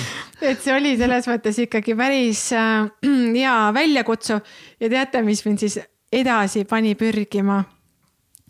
kui ma siin nutan ja annan alla ja teades oma venda ja kui ma lähen tagasi, ma kuulen surmatunnini seda, milline allaandja sa oled, sest sa ju nutsid seal, sa ju andsid alla. Ja see pani mind tõusma püsti. Ja siis ma teadsin, et seda elu ma ei taha, et ma elu lõpuni kuulen seda et sa ei saanud hakkama, sa andsid alla, sa oled nõrk, on ju. ja siis ma teadsin, et tõuse püsti, mine koputa, vaata, siis läks jälle kõik valesti, noh. et, äh, et just, et vaat sellel hetkel võib-olla vaat sellised asjad täiega aitavad. kui sa tead tegelikult, et sa pead pingutama, et sa ei taha olla mingisugune allaandja, vaata. sest sa tead, et keegi sulle võib hakata seda hiljem meelde tuletama, et kui hästi sa nagu allaandja oled, vaata. super no. motivaatorid eluks. absoluutselt. mitte, et unistad asjad, et mitte olla allaandja mitte kuulda, et sa oled elu, eluaeg online kellegi teise poolt. Remo on ju, kui palju, mitu aastat? kaheksa. kaheksa, üheksa, midagi mm. siukest. jah, et ta ikka jah. ta ikka tegi korralikult. Nagu aga sa siis ei olnud allaandja, et kui, et sa ei läinud teist aastat müüma või? E, siis, siis toimusid vaat sellised huvitavad protsessid, et äh, täpselt sellel aastal, kui ma pidin minema müüma, siis ma kohtasin oma tänast elukaaslast oh ja, ja kuidagi siis nagu asjad läksidki ikkagi niimoodi, et me ikkagi nagu ei läinud. Et äh, loomulikult seal oli oma ports selliseid vabanduste otsimisi ja ratsionaalseid seletusi ja aga ausalt öelda, ega ma ei kujuta ette, kui ma ei oleks läinud, või noh, nüüd, kui ma ei oleks läinud, ma ei läinudki, on mu elu täna selline, millega ma olen täiega rahul, sest meil on samad visioonid, meil on matkabuss hoovis, meil on maailma kõige ägedam kodu, meil on täiega normaalsed lapsed, on ju. meil on täiega nummikutsa, on ju, kõik on nagu täiega vinge ja. aga nüüd, kui ma oleks läinud ma ei tea ju, milline oleks see tulevik nii-öelda siis mm. -hmm. ehk et ma julgen öelda, et ma ei muretse selle pärast üldse, et ma ei läinud Mõni. ja, ja seal ma siis ei tunne ennast jah, tõesti nii-öelda allaandjana, sest noh. käisid ära, vaatasid ära ja nägid. jah, kogemus sai. armastus tuli siis ikka nii suur nagu peale, et äh, oli kindel soov. ei no see nagu võib öelda küll, et oligi ööklubist, et läksid, astusid otse uksest sisse pilgud kohtusid, pilgud, nooled on ju, kõik toimus. ja, ja sealt siis nagu toimus juba kümme aastat toimub noh. nii et äh, jah, päris nagu huvitav, jah aga ühesõnaga, sinu ettevõte hakkas suure hooga kasvama, sina ise nägid, et see on see ja nagu me saate alguses rääkisime ka, et sa tahtsid inimestel tõesti nagu hoolisid sellest, mida inimesed tunnevad. sa nägid, kui paljud asjad halvasti on, muudkui kasvatasid oma ettevõtet. ja ma saan aru, et et sinu nii-öelda nagu võib-olla mingi bränd või kuvand sel hetkel oligi, et sa oled see kõva businesswoman või, kes teeb mingit raha või, või mis see sinu kuvand ei, siis oli? pigem oli kuvand ikkagi see, kes on see mingi tööohutusfriik, noh. et ah, et see on see nagu see, kes, kellele nagu meeldib see tööohutus, nagu nii kahtlane, kui see ka ei tundu ja kuidas see tööohutus kellelegi meeldib, see on mingi ilgelt kuiv ja nõme valdkond on ju. ja mulle nagu täiega meeldis, sest mulle päriselt tunduski, et kui sa pead õhtul tegema kõne koju, et äh, või sa enam ei saa kõne teha, sa oled surnud tööõnnetuse läbi et see on nagu ikkagi nagu täiega kurb, on ju. aga kas sa töötasid no. palju või kas, kas sinu nagu elu selle ettevõtte nagu ülesehitamisperioodil või kasvuperioodis oligi see, et ilusti üheksast viieni või sa töötasid rohkem või kuidas sa no ma ikka alguses töötasin ikka täiega rohkem, ma mäletan seda nii-öelda õnnehetke, kui ma siis esimesel oktoobril kaks tuhat üheksa siis hakkasin äh, nii-öelda tööga pihta, sõbranna mulle helistas, Kristi, kuule läks nagu Barbadosele reisile. siis ma ütlesin, et issand, ma juba tean juba küsima, millal me läheme, muidugi läheme, jaanuaris, davai, onju. et see oli nagu see koht, aga ma teadsin, et ma saaks sinna reisile minna, ma pean tööd tegema. et ju noh, on ressurssi vaja teenida ja loomulikult ma tegelikult töötasin no ikkagi niimoodi, et jõulude ajal ma mäletan, et ma olin ema juures teki all, stressis, väsinud, läbi põlenud, see kõik toimus tegelikult paari kuuga. et see noh, et see ikkagi kiire nii-öelda protsess käis ära ja ma isegi võin öelda, et äh, nagu täna õpetatakse väga palju, et lendama ämbrisse võimalikult kiiresti, siis sa õpid selles ka hästi kiiresti, mm. kuidas oma ämbrist vaata välja ronida ja sellel stressihetkel ma sain aru, et äh, ilma meeskonnaliikmeteta ei ole võimalik mitte midagi saavutada või et noh, siis oledki nagu stressis, siis ma küsisin iseenda käest, et kas ma seda tahangi, siis ma saingi aru, et tegelikult ma seda ei taha. aga miks ja... sa stressis olid, sest kõik vastutus ja ülesanded olid sinu enda kaelas? ja, et äh, ma põhimõtteliselt tegelesin kõigega ise, ma tegin tööd ise, no kõik, kõik, kõik, no välja arvatud raamatupidamine, no siis oleks olnud tead äh, noh, must auk ju see ei ole kindlasti minu valdkond. et aga ja, et ma panin tegin ikka täiega üle, siis ma tegingi kõike. ja, ja mis on siis nagu väga huvitav, et ma jäingi silma ühele tüdrukule, kes nägi, et oh Kristi, sa siin tegeled nii vinget selle ohutusega, kas ma võiks sinu juurde tööle tulla? ja, ja siis ma ütlesin, oh davai, on ju täiega äge, tule. ja siis me saimegi ära jagada kõik need tööülesanded, asjad, tema tegi ka objekte. ja noh, ja sealt hakkas see nii-öelda see meeskonna pool äh, vaikselt tekkima, ehk et inimesed tegelikult hakkasid ise minu juurde tulema läbi selle, et ma tegin kirega massia mm, -hmm. võib öelda aga kuidas sinu elu ja ettevõtlust ja karjääri mõjutas see, kui äh, sa oma esimese lapse said või isegi enne seda, kui sa teadsid, et sa oled rase. mis mõtted sul siis olid ma kujutan ette, et see on ju mõnes mõttes täielik elumuudatus, et sa oled ettevõtte juht, sa ei saa mingi ema olla mm. -hmm see oli tegelikult väga planeeritud, sest ma teadsin seda, et alati lapsed ma tahan saada selle inimesega kellega ma ikkagi näen päriselt pikka perspektiivi, ehk et miks see asi kõik nii nii-öelda hiliseks jäigi üleüldse, et põhimõtteliselt esimene laps oligi siis, kui ma olin kakskümmend üheksa ja siis ma tundsingi, et, et kas see rong on nüüd nagu nüüd või siis nüüd läheb mööda vaata täiesti. ja siis oli hästi nagu teadlik, et see kõik nagu juhtub ja, ja siis no oligi kõik ja plaanitud ja nii ja naa. ja siis ka päris, noh siis kui see päriselt juhtus, vaat siis hakkasid pihta väljakutsed, sest äh, kuidagi käis ära klikk, et ma ei saa öösiti magada nii palju, kui ma tahan äh,. ma ei saa enam tööle minna igal hetkel, kui ma tahan Äh, mul on ettevõte, mul on ikkagi vastutus, see ei ole see, et kui ma käisin kuskil tööl ja nüüd ma võtan poolteist aastat emapuhkust ettevõtja sellises kontekstis, väikeettevõtja ei võta lambist emapuhkust, vaata. et sul on ikkagi äh, vastutus edasi oma inimeste eest, oma ettevõtte edendamise eest. loomulikult ma oleks võinud siis võib-olla selleks hetkeks äh, olla justkui juba nii tark, et ma oleks selle juhtimisega ära delegeerinud. aga ma veel siis noh, võib öelda, et järelikult ei olnud piisavalt seda läbi mõelnud veel ja ikkagi see sai olema ikkagi väga raske variant, siis ma ei suutnud oma eelmisest elust lahti öelda. mis see tähendab, et sa ei suutnud oma eelmisest elust lahti öelda? Äh, ma ei suutnud äh, lahti öelda sellest, et ma ei saa enam vabal hetkel minna ja tulla nii, nagu ma ise tahan minna ja tulla. vaid et nüüd mul keegi ütleb, millal ma tulen ja millal ma lähen tegelikult, sest mul on nüüd vastutus mujal. mis siis, et elukaaslane, kes ütles, et ta võib jääda lastega koju on ka ju olemas ja ta oligi väga palju lastega kodus, et ta täiega palju võimaldas või noh, lapsega kodus, ta võimaldas mul käia aga selle kõige juures ta siiski ootas ju minult, et ma olen ka ju kodus. aga mul enda peas sellel hetkel mul oli ikka, mul oli ikka no väga raske leppida sellega, et äh, issand, tegelikult mu elu on röövitud. praegu lihtsalt tuli keegi, pani mu elu pihta, on ju. noh ja aga nüüd tänaseks ma olen. kuidas sa seda läbi muutnud. elasid või et äh, räägi veel, see on väga põnev nagu see mõte, et mu elu on röövitud. kas, aga kas sa olid ise tundsid niimoodi või sinu, kas, mida sul nagu sõbrannad või maailm kõrvalt ütles, et, et ei ole röövitud ju, laps on parim asi, mis sinuga no, juhtub. täpselt seda, seda nad ütlesidki ja, ja, ja et mis asja vaata, et ole kodus ja naudi, kasvata oma last ja tõesti naudi ja ole ja nii nunnu ju ja nii tore. ma ütlesin, no muidugi on nunnu ja tore, noh, ma ei vaidle vastu.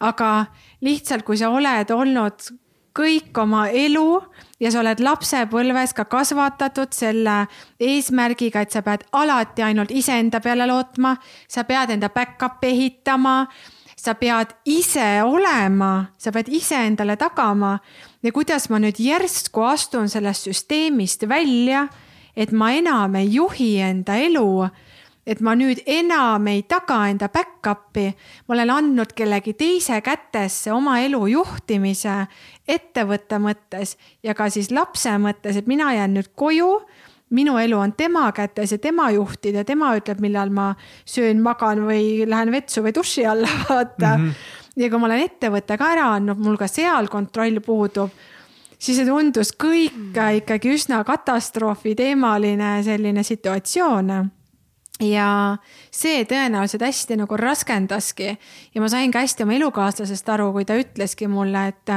ole rohkem kodus, et noh.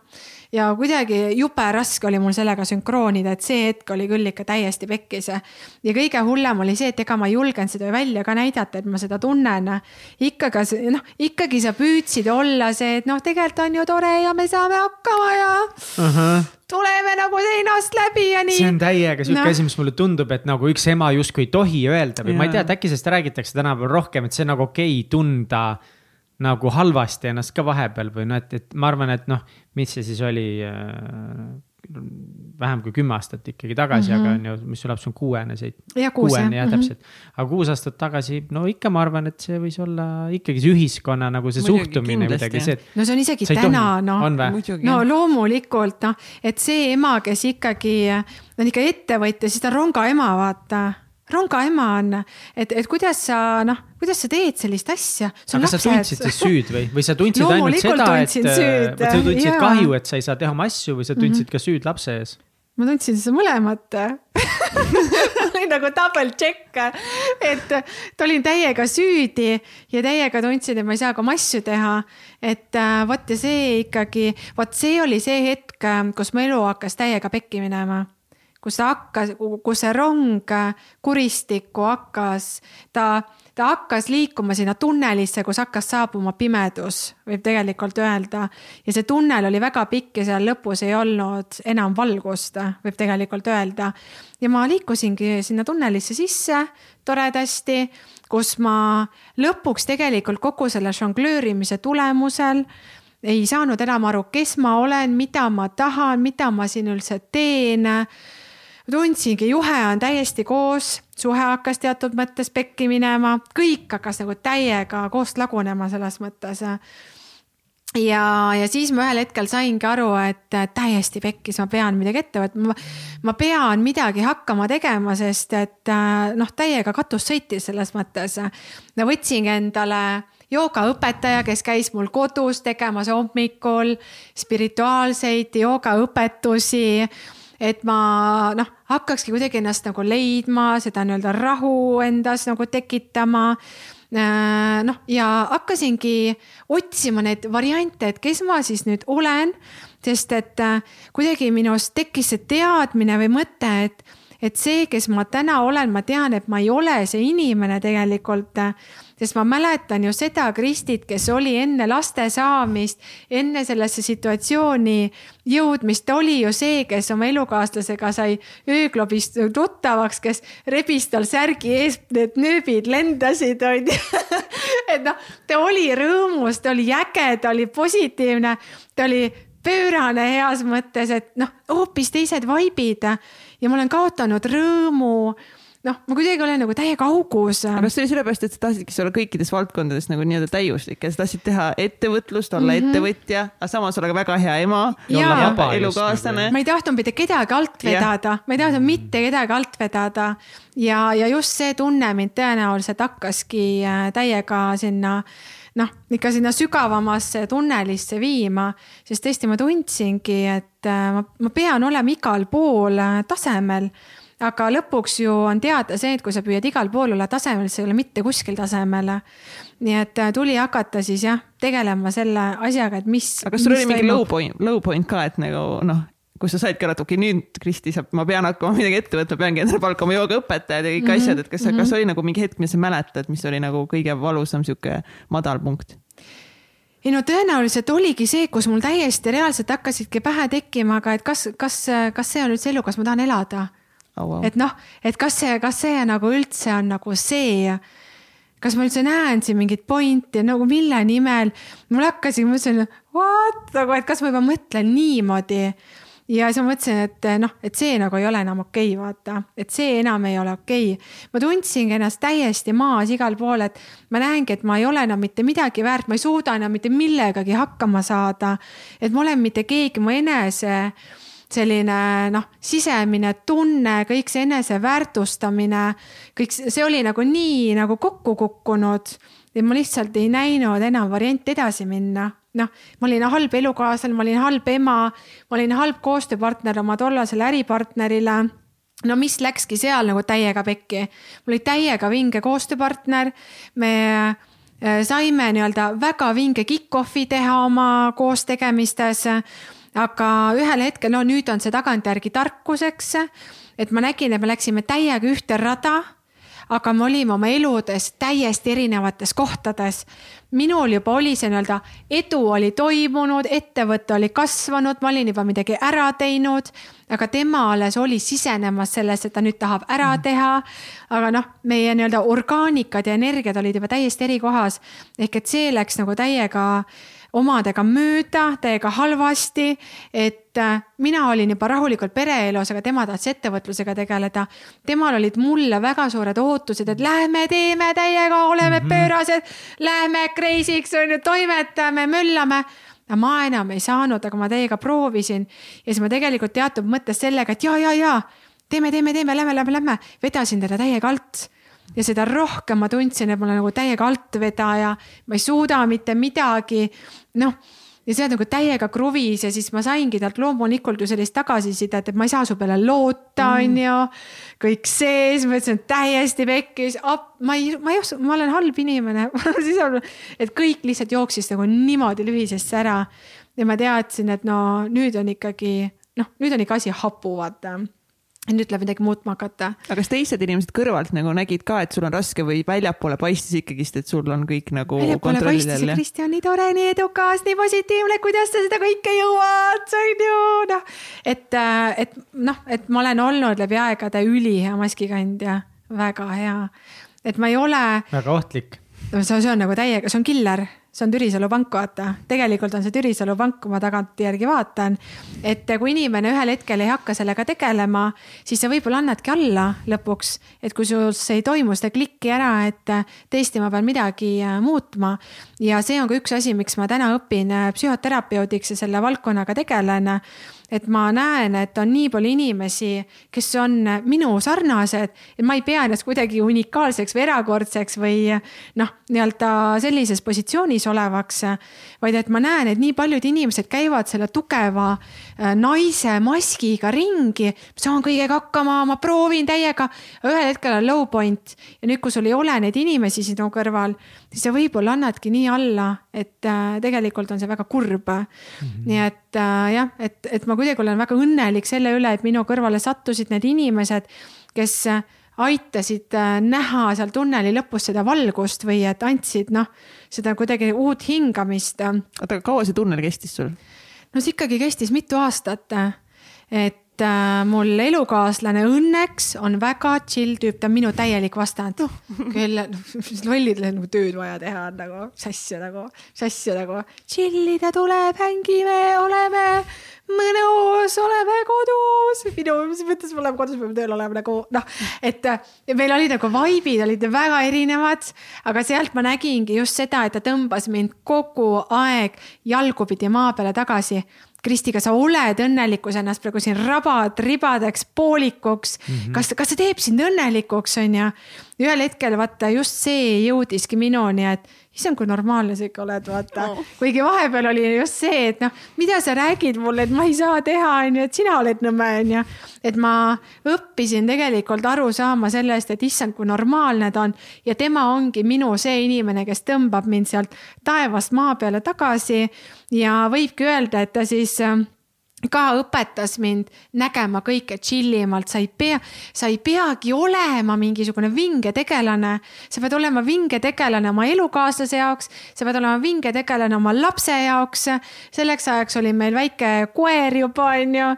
sa pead oma kutsaga tegelema, sa pead oma pere jaoks olema. sa praegu jälle ütled, et peab ja peab mm -hmm. ja peab, et terve selle aja jooksul ma olen, ma olen nagu mõelnud ja. selle peale, et et mis nagu, et, et okei okay,, et aga mis see tõde siis nagu on, et mm -hmm. väga paljud ju noh, tänapäeval mm -hmm. naisettevõtjad tuleb mm -hmm. järjest juurde, on ju mm. -hmm. ja ma arvan, et paljud neist tahavad lapsi mm -hmm. saada ja saavad lapsi mm -hmm. ja nad on sarnases mm -hmm. olukorras mm -hmm. kui sina.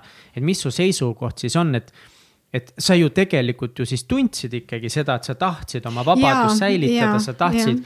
teha, kasvatada, et sa ei tahtnud elu panna nagu pausile, on ju, et. kas siis tegelikult on see, et kõike saab teha või tegelikult mm -hmm. on see et sa ei tahtnudki neid asju, tegelikult sa ei tahtnud leppida emaga või tegelikult on see, et tulebki olla tänulik, et saad ema olla ja kõik muu pausile panna?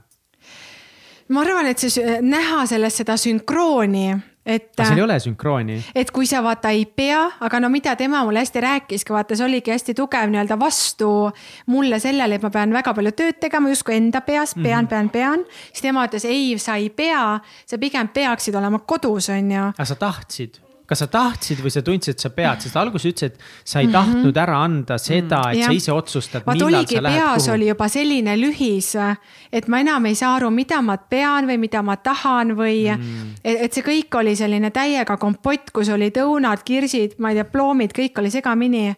et ma enam ei saanudki aru, mida ma pean või tahan või nii-öelda see pool et ta hästi palju tõigi mulle seda siis sisse, et ole kodus, su laps vajab sind, on ju. mitte su nii-öelda äri ei vaja sind nagunii.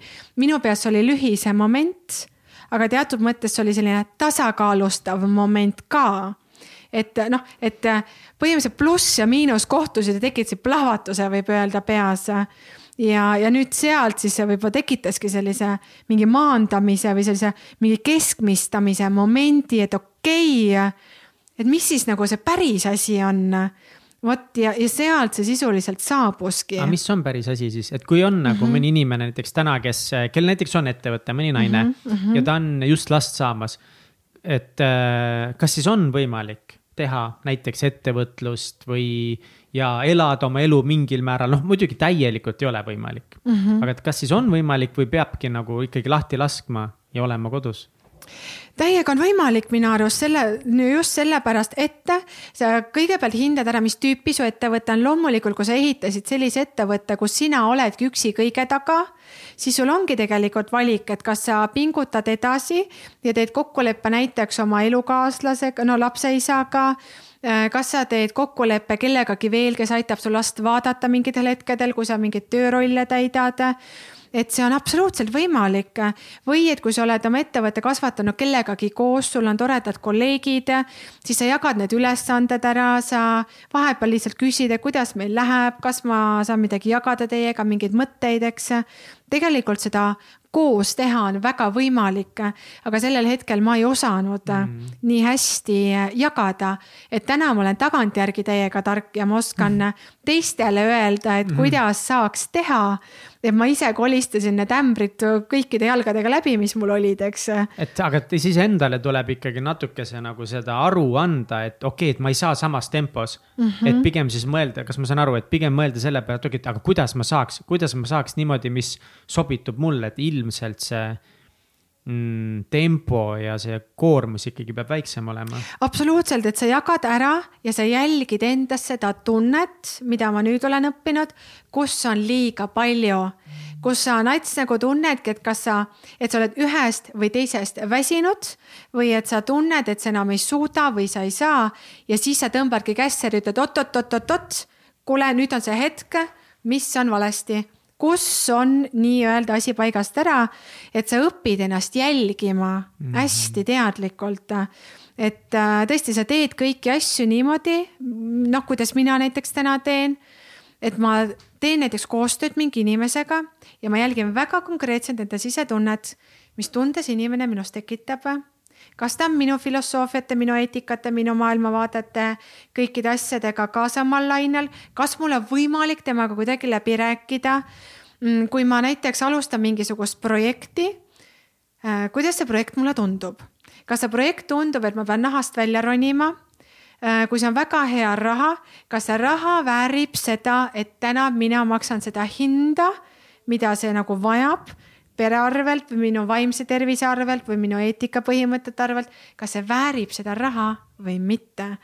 et ma väga palju mõtlen nende asjade peale no näiteks tänagi on mulle tulnud ju pakkumisi, et sina, Kristi, parim tööohutuskoolitaja, et tule koolita neid ja neid ja ma olen täna öelnud, et aitäh, ma ei soovi. ma olen mm. saanud ju ise öelda ka rahasumma, aga ma olen täna valinud ma olen aru saanud, ma ei taha sellel teemal rääkida, sest see on minu jaoks pealiskaudne, see ei vii kuskile. Äh, lõpuks, kui ma neile räägin seda, siis mul on grupp õnnetuid inimesi, kes lähevad ettevõttesse tagasi, entusiasmi täis, positiivsust täis, kõik on võimalik, kõik on vinge. ja siis tööandja ütleb, et nagu tööohutus nagu, lähme tööle tagasi. nagu muidugi. et ma ei taha inimestes enam sellist pettumust tekitada, et ma olen valmis nii-öelda üks-ühele rääkima neid asju, kus inimesed päriselt tahavad midagi ära teha, päriselt valmis midagi muutma et ma olen nagu kõiges selles hästi nagu teadlikuks saanud. mis mm. on mm. see mõttemudel, mida siis näiteks nüüd ongi, et naised peaksid või emad või nii-öelda noored emad peaksid siis kuidagi nagu mõt-, kuidas nad peaksid mõtlema, mis see mõttemudel on, sest üks asi, mis on välja tulnud, on see, et võib-olla on raske esiteks üldse tunnistada seda, et sa ei taha ainult kodus olla, sa ei taha ainult ema olla mm. -hmm. et mul nagu tundub, et mingi probleem on siin see, et ühiskond vaatab halvasti, kui ema ütleb, et aga ma ei taha defineerida ennast ainult emana. et mis see mõttemudel peab olema peale selle, et sa pead õppima asju nagu paremini kate-, kalendrisse panema mm? -hmm no mõttemudel, kuidas ma täna näengi, ongi see, et kes ma ise olen ja kes ma olla tahan. Mitte selle jaoks, et, et ma olen kellegi et ma teenin kellegi teise hirme või huve et no näiteks, miks paljud inimesed näiteks teevad mingisugust konkreetset tööd või ei ole valmis loobuma ühest või teisest rollist. et nad täidavad ikkagi kellegi teise nii-öelda hirme sisuliselt. et kui keegi ütleb sulle, et, ei, kui sa ikkagi nüüd jääd ikka lapsega koju, on ju, sa oled ettevõtluses, sa ikka ei saa vaata kontrolli käest ära anda, sest sa ei tea, mida need inimesed seal ju teevad. nüüd on küsimus et äh, kelle hirm see on, kas see on sinu hirm või või jah, või see on sulle pandud hirm või et äh, kas see ootus on sinu enda isiklik ootus või see on kellegi teise ootus. et, et siin tasubki iseennast märgata, et kelle ootusi või unistusi või takistusi või võimalusi sa tegelikult oma peas filtreerid. et, et sellest kuidagi olla väga teadlik või püüda olla teadlikum Mm -hmm. et kes sina ise oled, no loomulikult. ühiskonna surve jah, on väga suur väga. ja need sõnumid, mis eriti ka naistele võib-olla kuidagi projekteeritakse igalt poolt ja et mis on normaalsus, et ühes oma webinaris, kus me noh, praegu räägime hästi palju sellest laste teemast ka. et praegu mul see ettevõte nii-öelda äh, ühe ettevõtte ärifookus ongi meaningful talks ja minu-sinu tähtsad jutud, kus me siis ka räägimegi tegelikult hästi palju sellest, kus läbi raamatute, erinevate õpetuste normaliseeritakse midagi, et kuidas on justkui nagu normaalne käituda, kuidas sa oled keskmiselt normaalne inimene, keda aktsepteeritakse.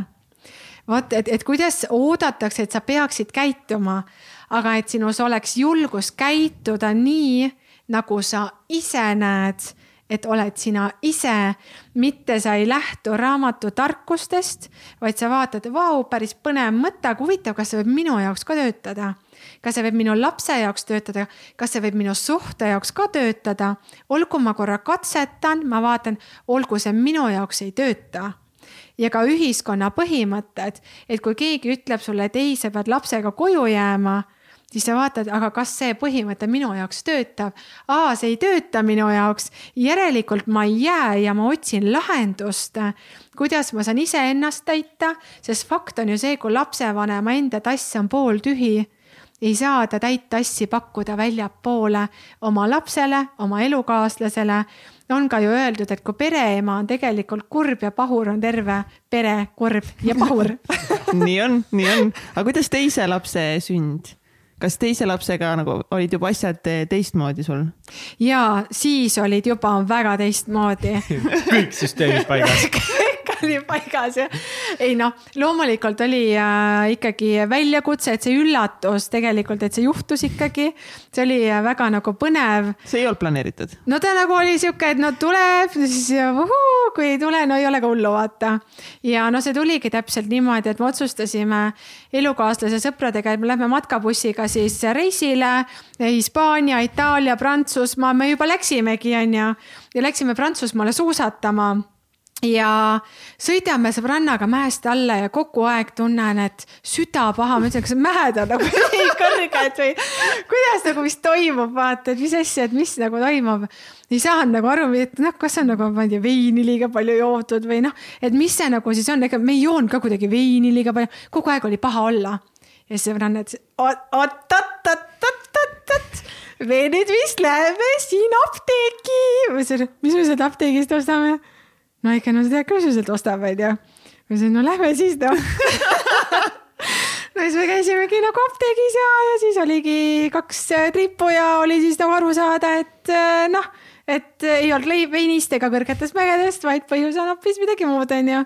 ja sealt siis tuligi see üllatus, korra oli see nagu okei okay., ahah, nii, olgu, nüüd see, ahah, olgu, olgu, olgu. see tundub mega hirmus ja et see kuidagi oligi selline, aga ta juba oli see, et ma tegelikult olin valmis, noh mm., ma olin nagu valmis ja me tegelikult planeerisimegi siis elukaaslasega seda, et noh, et me siis, me testi tegime Hispaanias ja siis me valime oma otsapidi nii-öelda siis Hispaania tänavatel kuskil.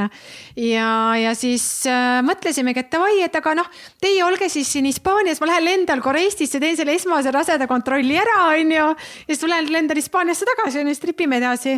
ja siis ikkagi lõpuks otsustasime, et ikka sõidame kõik koos siis äh, matkabussiga koju tagasi, onju pargime ära ja, ja siis tead, jätkame uue elu progressi ja tempoga, onju. ja no siis oli küll juba noh, see Tooni nunnu mõmmi ja tutu-tutu-tutu, et, et ja, et see emotsioon oli juba hoopis teine et äh, ma sain aru, äh, kus ma olen, ma sain aru, mis positsioonis ma olen, et noh, tegelikult oli, oli muutunud kõik, sest ma juba teadsin, mida ma juba, ma teadsin juba rohkem, mida ma elult tahan. ma olin liikumas juba oma selle nii-öelda ideaalsema elu poole. et see teadlik oli juba noh, see teadlik seis juba oli seal rohkem, on ju.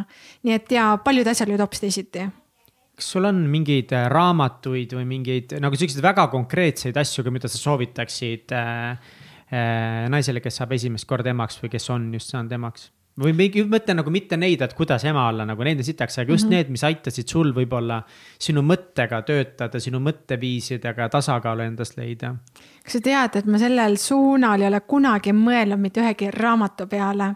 üks raamat, mis mulle alati, kui tegelikult keegi äh, noh, küsib, mul hüppab alati Robin Sharma äh, munk, kes müüs maha oma Ferrari hüppab mul alati pähe ja just sellepärast, et äh, seal on täpselt see koht, kus see advokaat saigi viiekümneselt infardi ja ta nägi, et ta ei taha sellist elu elada, siis see ka lapsevanemana on toonud mind tegelikult palju teadlikumaks.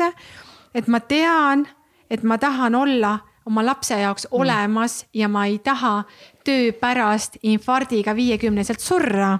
noh, et see asi loomulikult ja ühel hetkel ka see taipamine tegelikult, kui ma läksin õppima psühhoterapeudiks, et ähm, see, see ei ole jälle see raamatutarkus, ütleme niimoodi, vaid see oli teadlikuks saamine sellest, et mina lapsevanemana olen alati hierarhias lapsest eespool ehk et ma olen alati vastutav aga kuidas sa ütlesid nii kenasti, et teadlikuks saamine, kuidas üks saab teadlikuks, kas ma istun diivani peal ja siis ma saan teadlikuks? et see teadlikkus tuleb. midagi lugema ei pea, midagi tegema ei pea, me saame teadlikuks. tead sa, sa tegelikult ju loed igasuguseid raamatuid, no igasuguseid, mul on ju meeletu hulk. ma veel mäletan seda, kui ma ootasin Meribelli, noh, praegu on kuueaastast. me olime meie siis äh, nii-öelda selles äh, elukaaslase sõbra majas, et elukaaslane ehitas sellel ajal meil korterit. et äh, ja ma tellisin endale põhimõtteliselt terve suure virna äh,. issand, kes see nüüd ongi mm,? appi, kes see kirjanik nüüd oli, ta mul kohe ei hüppa pähe, ta Mis kindlasti mul tuleb noh, business või psychology või...? Äh, pigem business ja müük, business, issand. John Maxwell ei, ütle veel, ta on muuseas Eestis ka esinemas äh, käinud. Aaps, ma kindlalt ei tea. Robert Kiyosaki. ei, issand, ta, täna on ta vana mees Harv Ekker, seesama. ei, nii, kes see veel, Edu Akadeemia minu arust teid Eestisse ah, keda, issand, mingi Eerik. oota, oota, B-tähega. B-tähega või, ma ei tea. kohe mõtleme välja, ise mõtlen täitsa naljakas, mul see praegu meelde ei tule. aga jaa. Peeter Termomeeter et ma tellisin ähm, terve, terve hunniku tema raamatuid, need olid inglise keeles. ja ma põhimõtteliselt äh, suure osa Meribelliga nii-öelda tema ootamise ajast lugesingi neid raamatuid.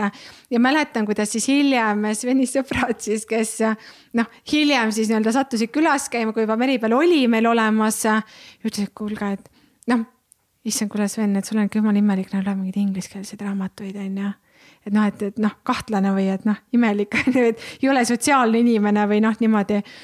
ja sellel hetkel ma juba arvan, et, et need protsessid tegelikult teatud mõttes toimusid. et ma noh, saingi nagu üldisest inimsuhtlusest rohkem aru. ma sain müügiprotsessidest rohkem aru.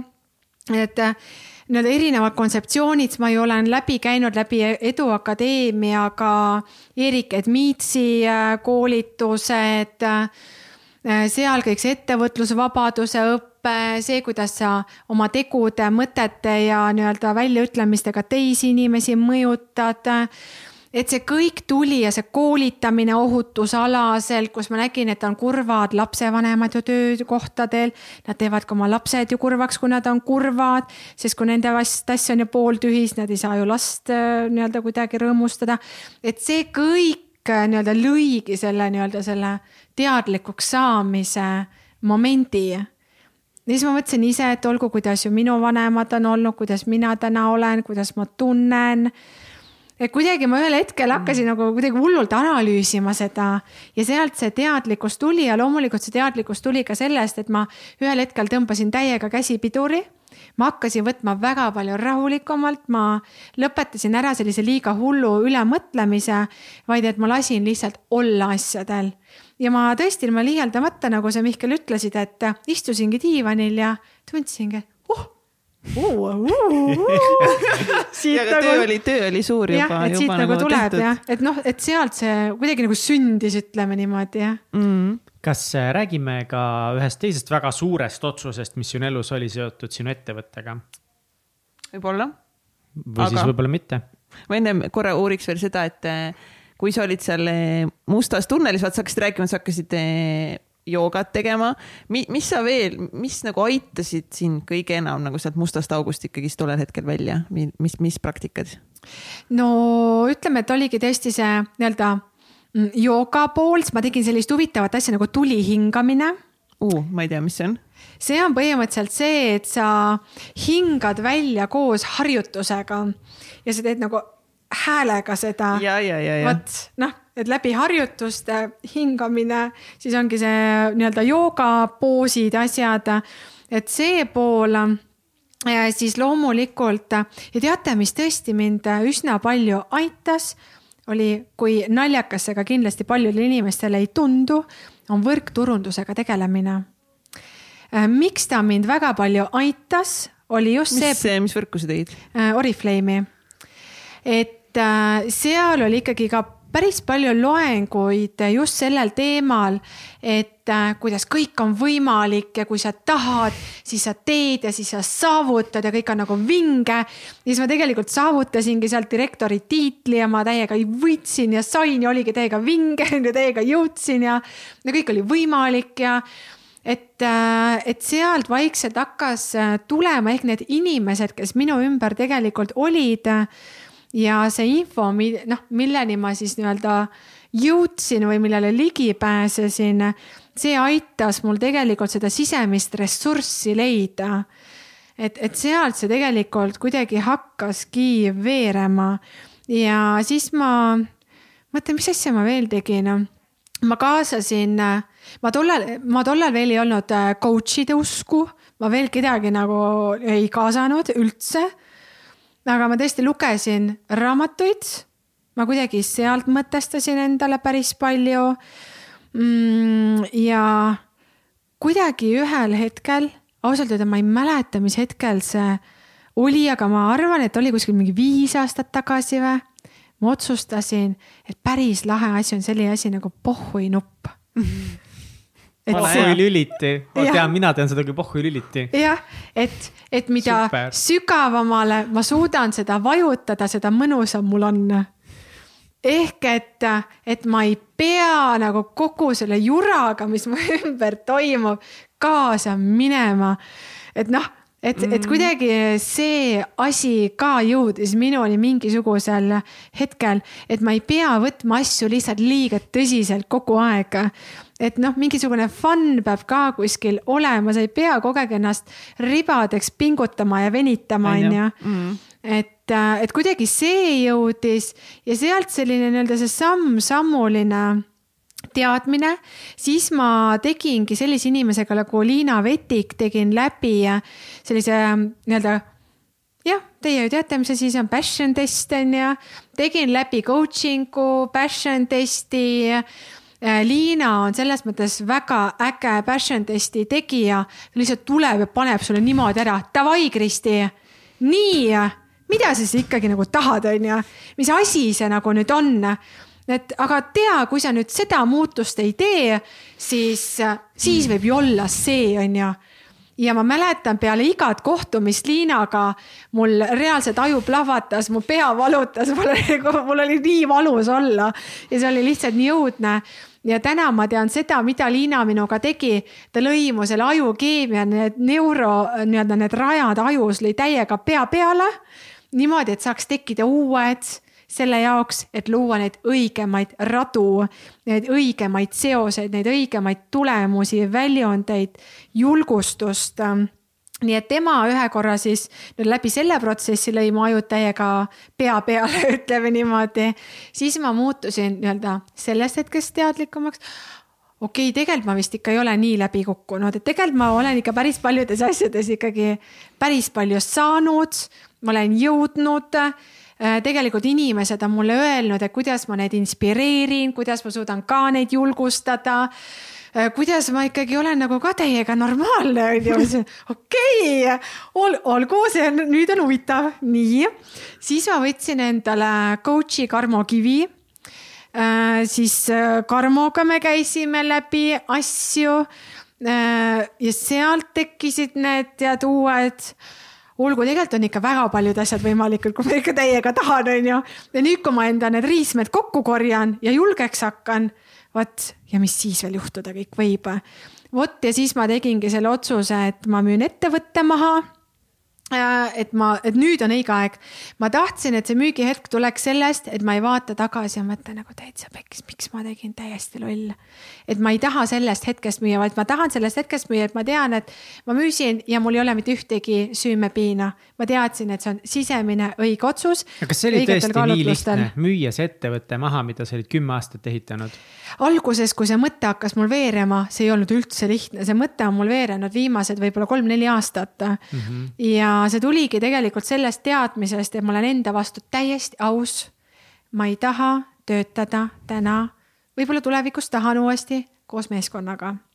ma nägin, et ma ei taha ma nägin, et ma ei taha seda, et keegi peab minu peale lootma või minus pettuma et las ma olla mingi periood täiesti ise. las ma loodan iseenda peale, las ma tekitan need pettumused endale ise. et ma tundsin, et ma ei taha enam kedagi juhtida. tundsin, et ma tahan juhtida nüüd iseennast aga see, see on ka tegelikult tundub võib-olla, et ta andis nagu täiega alla, vaata. Mulle aga, üldse ei tundu. aga iseendaks mulle ka ei tundunud üldse, ma mõtlesin, issand, kui lahe. aga mina mõtlen just, et see julgus, et ma mõtlen, et noh, et kui ma oleks nagu su ümber, ma oleks, noh, ma prooviks mitte olla, aga ma oleks ilmselt see, et issand, mida sa ikka teed, et kas see on ikka õige otsus, et sa oled ju nii palju aega. kõik olidki sellised mu ümber. ja see ju nii edukas sul ja issand, kuidas ikka julged ja mis siis ikka saab ja olid kõik niimoodi? ja kuidas ja. sa hakkama said selle ühesuguse infolaviiniga, et kuidas ikka saad, kuidas ikka julged? Ei, põhimäng oli selle üle, Kristi, sul on lapsed, sul on vastutus sa pead ikka, ikka maksma ja kuidas ikka laste tulevikku garanteerid ja. ja sa oled justkui nagu üles ehitanud juba millegi, mis tagaks ja, sulle nagu selle turvalisuse. sul on nii ideaalne iga teine inimene tahaks ka ju sinu asemel olla, onju. ja, ja siis mõtlesin, et no okei okay,, ma saan sellest aru, aga mis oli jälle hullult lahe, mu elukaaslane ütles, ma ei viitsi su vingumist enam kuulata, et sa tahad seda müüa, sa ei taha seda enam teha tee see otsus ära, mida sa vingud, vaata, tee üks otsus ära. kui sa ei taha müüa, lõpeta vingumine, vaata mm -hmm. noh, et üks oli nagu see koht ja teine koht siis tuligi Karmo ja ütleski, et Kristi, mida sa päriselt tahad. ole nüüd ikkagi enda vastu täiesti aus, sa ju tead seda tänaseks, kui sa vaatad peeglisse, et kõik, mida sa ette võtad ja mida sa tahad, sa suudad ju kõike teha ja väga edukalt. ma ütlesin, ma tean, ma tean, tegelikult ma ju tean seda et, et suudaksid võttagi selle sammu ja, ja suutsingi ja no selle baasilt ta kuidagi äh, sündiski. jah, jah, selle baasilt ta nagu tuligi lõpuks. kui sa lõpuks siis selle ettevõtte maha said müüdud, ma saan aru, et te nagu Soome omanikud on nüüd või?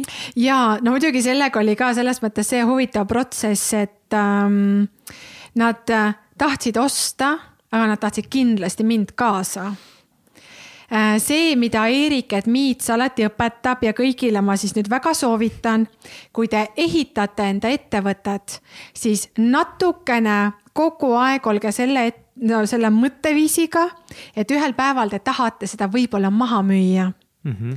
ja see tähendab siis seda, et hoia iga aasta fookus sellel, milline on sinu kasuminumber et sa ikkagi ei tegele laristamise ja kõige muu tsirkusega. et niisama, mul oli lahe hobiettevõte mm, -hmm. ma lihtsalt naudin, on ju, vaid et sa äh, ikkagi hoiad fookust kasumi teenimisel. aga miks see oluline on ettevõtte müügis? nii, kohe räägin.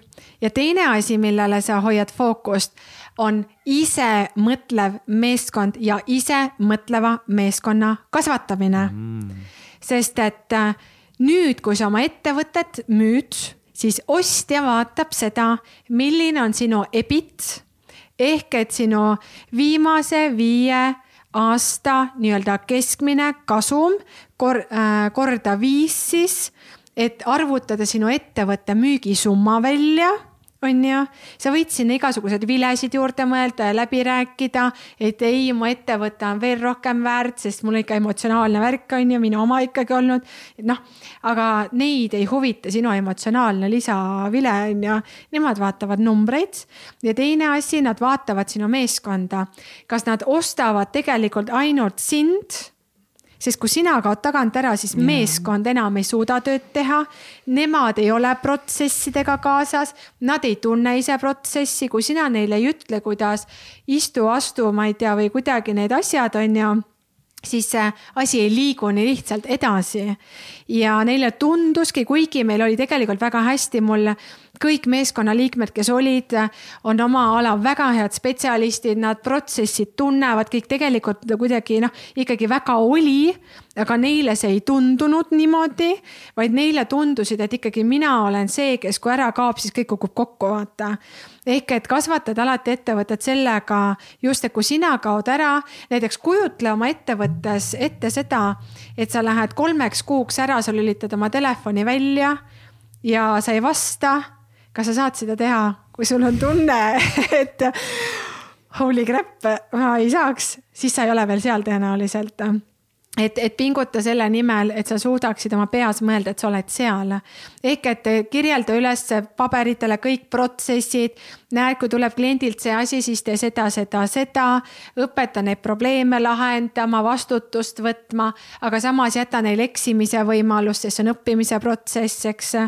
nii et, et, et kogu nii-öelda see asi, nii et jah, et see oligi see suur õppetund, aga kuna siis nemad nägid, et mina olen noh, see, kes nagu on siis, et ilma minuta kogu see asi ei toimi Nad tahtsidki, et ma jään sinna tööle, ehk et mina siis läksin sinna, sain endale ise välja mõelda mingi udupeene ametinimetuse, mis ma tahtsin, innovatsiooni ja arendusjuht aga kas see oli veider või, minna nagu oma ettevõttesse nüüd tööle ja keegi teine on nagu tegelikult omanik? tead, nats see korra nagu oli küll väga huvitav tunne, aga teistpidi ma tundsin, et oh, nii mõnus, nüüd saan olla mina see virisev töötaja super. et äh, mul on. nii, kuidas tööohutusega on meil ah? jah, mul on tooli vaja, mul on seda vaja, mul auto ei käivitu, jookske noh, et nüüd ei olnud enam mina see, kes peaks jooksma, onju. et ma nautisin seda ja ma tegin seda hästi äh, teadlikult, onju, et miks ma seda teen ja me rääkisime hästi konkreetselt läbi, kuidas ja mida ma teen, keegi mürab seal teisel pool. kuidas teil läheb seal, Triin? igatahes su telefon on otsast lõpuni tühi, et seda käima keisa. su telefon on otsast lõpuni tühi kas teil laadijat ei ole või midagi, et seda otsast lõpuni saaks ka täis panna? pärast läheb autosse, paneb otsa otsa sisse ja no,. näed, aga vaata nüüd tuleb Meri küll naeratus. Tuppa tuli, see oli ka natuke saarglik. otsast lõpuni. jah, otsast lõpuni tühi jah. no vot, nii et siis igatahes jah, et, et praegu siis ongi nagu see seis on ju. oota, aga kas te tegite siis see kuidas see müük nagu välja nägi, et kas sul oli mingi kindel periood siis, mille, et nagu mis ajaks sa läksid sinna tööle või see on nagu noh, oligi nagu forever? Äh, no me tegime sellise asja nagu optsiooni osalusleping kahe aasta jooksul ehk et, et ma siis nii-öelda kaks aastat töötan seal, siis ma saan nii-öelda osaluse sisuliselt. ja kui ma seal kaks aastat ei tööta ja lähen varem ära, siis ma lihtsalt ei saa seda osalust ja ongi lood niimoodi, eks nii et kõik need äh, kontekstid ja kokkulepped ja lepingud ja läbirääkimised ja see siis. aga samas oli... sa vaata ütlesid, et sa tegelikult tundsid, et sa tahad nüüd üksi olla, aga sa läksid ikkagi sinna tööle, et kas sa siis tundsid, et see tegelikult on see, mida sa siis tahad? töötada kuskil, kus sa ütlesid, et tegelikult sa tahaksid üksi olla mm,? no ütleme, et sellega ju ka olid sellised väga huvitavad lood, et äh, eks me ju rääkisime läbi äh, just seda, et, et mismoodi ja mida ma siis teen ja teate, mis tõesti tegelikult oli siin hästi nagu huvitav, kuna ma olin väga eneseteadlikuks muutunud, siis ma ütlesin, et seda ma teen, seda ma ei tee. Seda teeb keegi teine, kui tahab, mina seda ei tee. noh, et, et mul oli hästi konkreetselt paigas, mida ma teen ja mida ma ei tee mm -hmm., noh et äh, selle ma ütlesin ja, ja niimoodi ma tegelikult saingi need kokkulepped ja liigutused tehtud selliselt, et ma olin selle diiliga nagu okei okay, et kõik need kokkulepped, need palgasummad, kõik, mis olid nagu kokku lepitud, läbi räägitud need nagu sobisid mulle, sest ma panin ise reeglid paika. Ja ausalt öeldes on, see on lihtsalt nagu nii võimas ja nii hea tunne, kui sa julgedki öelda südames seda, et ahah, sina ootad mult, aga ei, nüüd ütlen mina, kuidas asjad käivad, siis me teeme ikkagi nii, nagu ma näen et, et ka mina naudiksin seda, mitte see, et ma teen ainult teie jaoks, vaid et ka mina pean saama nautida protsessi. nii et, et selline nii-öelda see teadlikkuse. millal sa moment. täpselt selle ettevõtte maha siis äh, müüsidki? eelmise aasta kevadel. jah. varsti on aasta siis juba. jah, jah. aasta sa müüsid ikka nagu, no selles mõttes ikka hea diiliga maha, ma saan aru ikka või? ei no ma müüsin täiesti sellise diiliga ju, et ma nüüd ju siis äh, ostan sellel neljapäeval endale puidutööstuse. puidud, ei no lihtsalt. kõikidest kohtadest. tööstus ja ma just lihtsalt nagu mingid, ma ei tea. mitte puidukuuri. jah, nagu tööstus ja see tundub nagu mingi, ma ei tea, tohutu lihtsalt mingid tuhanded inimesed on nii või? no tuhanded need, ma arvan, ei ole. ei äh,, noh, tegelikult see saab olema siis nüüd äh, hoopiski selline projekt, et äh, see on elukaaslasega nii-öelda mm, koos tehtud asi, millest saab tegelikult tema projekt. aga me ostsime siis sellise nii-öelda kinnisvara, kus sees on kogu puidutöö jaoks vajalik nii-öelda wow. aparatuur mm, -hmm. masinad noh, kogu nii-öelda viled ja laulud, et hakata sisuliselt tootma mida iganes aga nagu miks, ma mõtlen, et, et kui sul on võimalus raha investeerida tänapäeval olemas ükskõik kuhu, miks just puidutööstuses hakata mitte? tegema miks puidust mitte? asju? aga tead, miks me ka hullult mõtlesime selle ja, peale, et nii. nii, kas ma nüüd ostaksin korteri, kus ma teeniksin tulu, kas ma investeeriksin kuskile ja nii edasi ja tagasi ja blablabla onju. Aga siis ma kuidagi mõtestasin seda, olgu nii üüriturg see võib pekki minna. koroona, nii. kui ma nüüd investeerin kuskile oma raha, siis see võib minna pekki, see on minu kontrolli alt väljas tegelikult ju on ju laias plaanis. noh, mingi osa kindlasti nagu ei ole, aga noh, mingi osa nagu on. ja siis me mõtlesime, mis stiil on nagu selline, mis tundub nagu kõige mõistlikum niimoodi, et ähm, et meil on pikas plaanis võimalik endale alati ise leib lauale tuua, sõltumata kellestki teisest. ja sisuliselt see nii-öelda sealt saigi alguse, et kuna mul elukaaslane on väga hea disainivaatega, ta on loonud meile ülivinge kodu. ta on ta kinnisvaramaakler või töötab kinnisvaras või? ei, ta varem oli kinnisvaramaakler, aga tema see nii-öelda kalduvus on disainile luua ilusaid asju ja kuna ta sõber on väga hea nii-öelda puiduinimene, siis nad ongi meile loonud mingi ülivinge sauna näiteks, maja lae, ta istubki Pinterestis, ta vaatab uh,, päris lahe lagi. Ja nüüd meil on söögitoas selline päris lahe puidust lagi, onju. Näiteks laevade pealt tiigipuu mingid vinged põrandad, mida mitte kellegi teise kodus ei ole. Et meil on vannitubades isegi puitpõrandad. kuule, anna teada, kui te lahku peaksite minema. tahad teda meheks võtta? ma mõtlen, et ta tundub nagu päris hea mees. talle meeldib kodus olla, mingi chill ida, ehitab mingeid lahedaid asju, ehitab mingi fucking cool'i sauna. halloo, mida fuck'i, ma tahan no, ka et... mingit pajupuusauna, mida iganes see oli. no telli meilt saab jah. no mul ei ole veel raha, on ju, mul ei ole siin ettevõtted maha müüdud, aga no, kui ma ehitan ettevõtte üles nagu... müün maha, siis kohe tulen. no et igatahes saab selles mõttes seal tootmises ju luua mida iganes, kui mm. inimesed ütlevad, et nad täna tahavad osta ja kui sul on olemas teadmised, kuidas seda teha, tahan täna osta endale köögikappe, davai, teeme Te ei kujuta ette, kui vinged, ägedad uued disain, köögikapi uuendused ta tegi oma õe korterile, mis tuli maha müüa. jumala juustud, vanad kapid ja mida tema siis sinna tegi, ta otsis mingi ägeda mustriga kardina. Ta pani selle kardina sinna kapi ukse peale, ta võttis spreivärvi. Ta lasi selle spreivärviga üle, sinna jäi see muster ja see põhimõtteliselt terve mööbel on nagu täiesti tutikas ja täiesti uus kuule, tead no., ma olen päris kindel, et meil paari aasta pärast on vähemalt äh, vaja Kristi uuesti saatesse kutsuda, sest ma olen sada prossa kindel, et puidutööstuses läheb sitaks palju asju pekki.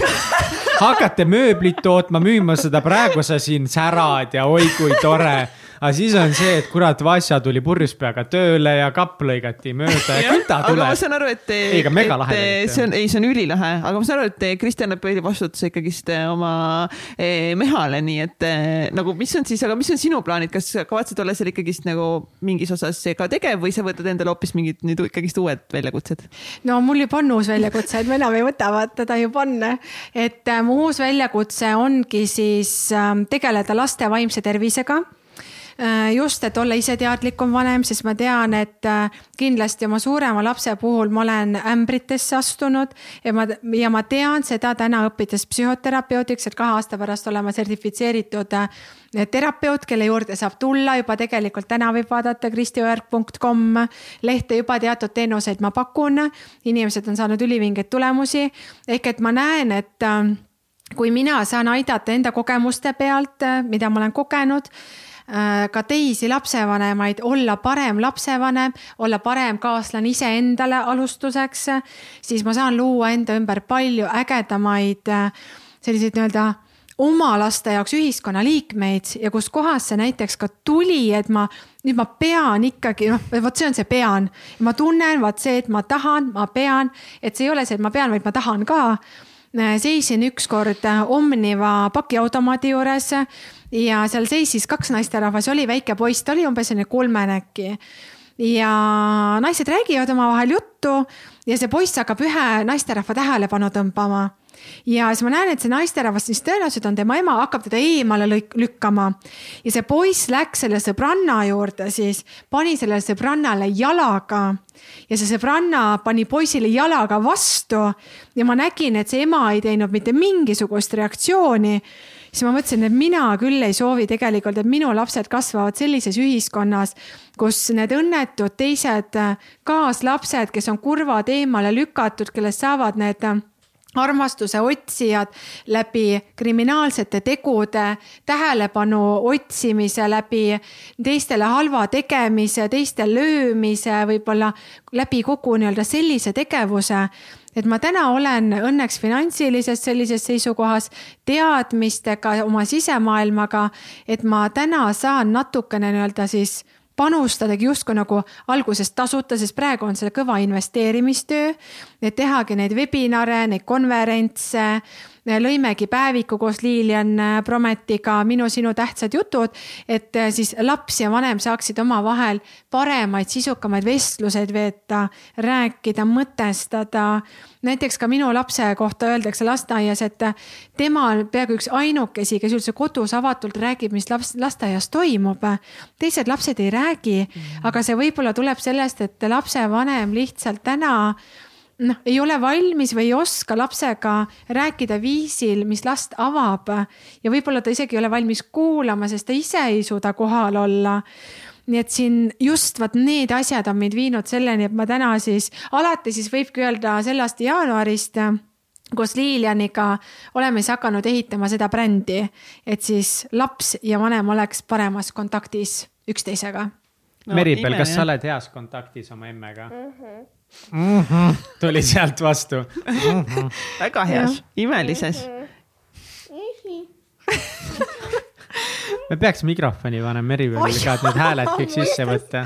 Need vist jääb peale, aga see on nagu lahe, mulle meeldib see, kuidas see, te koos käite igal pool. aastalõpu saates oli ka meil väike Meribel kohal.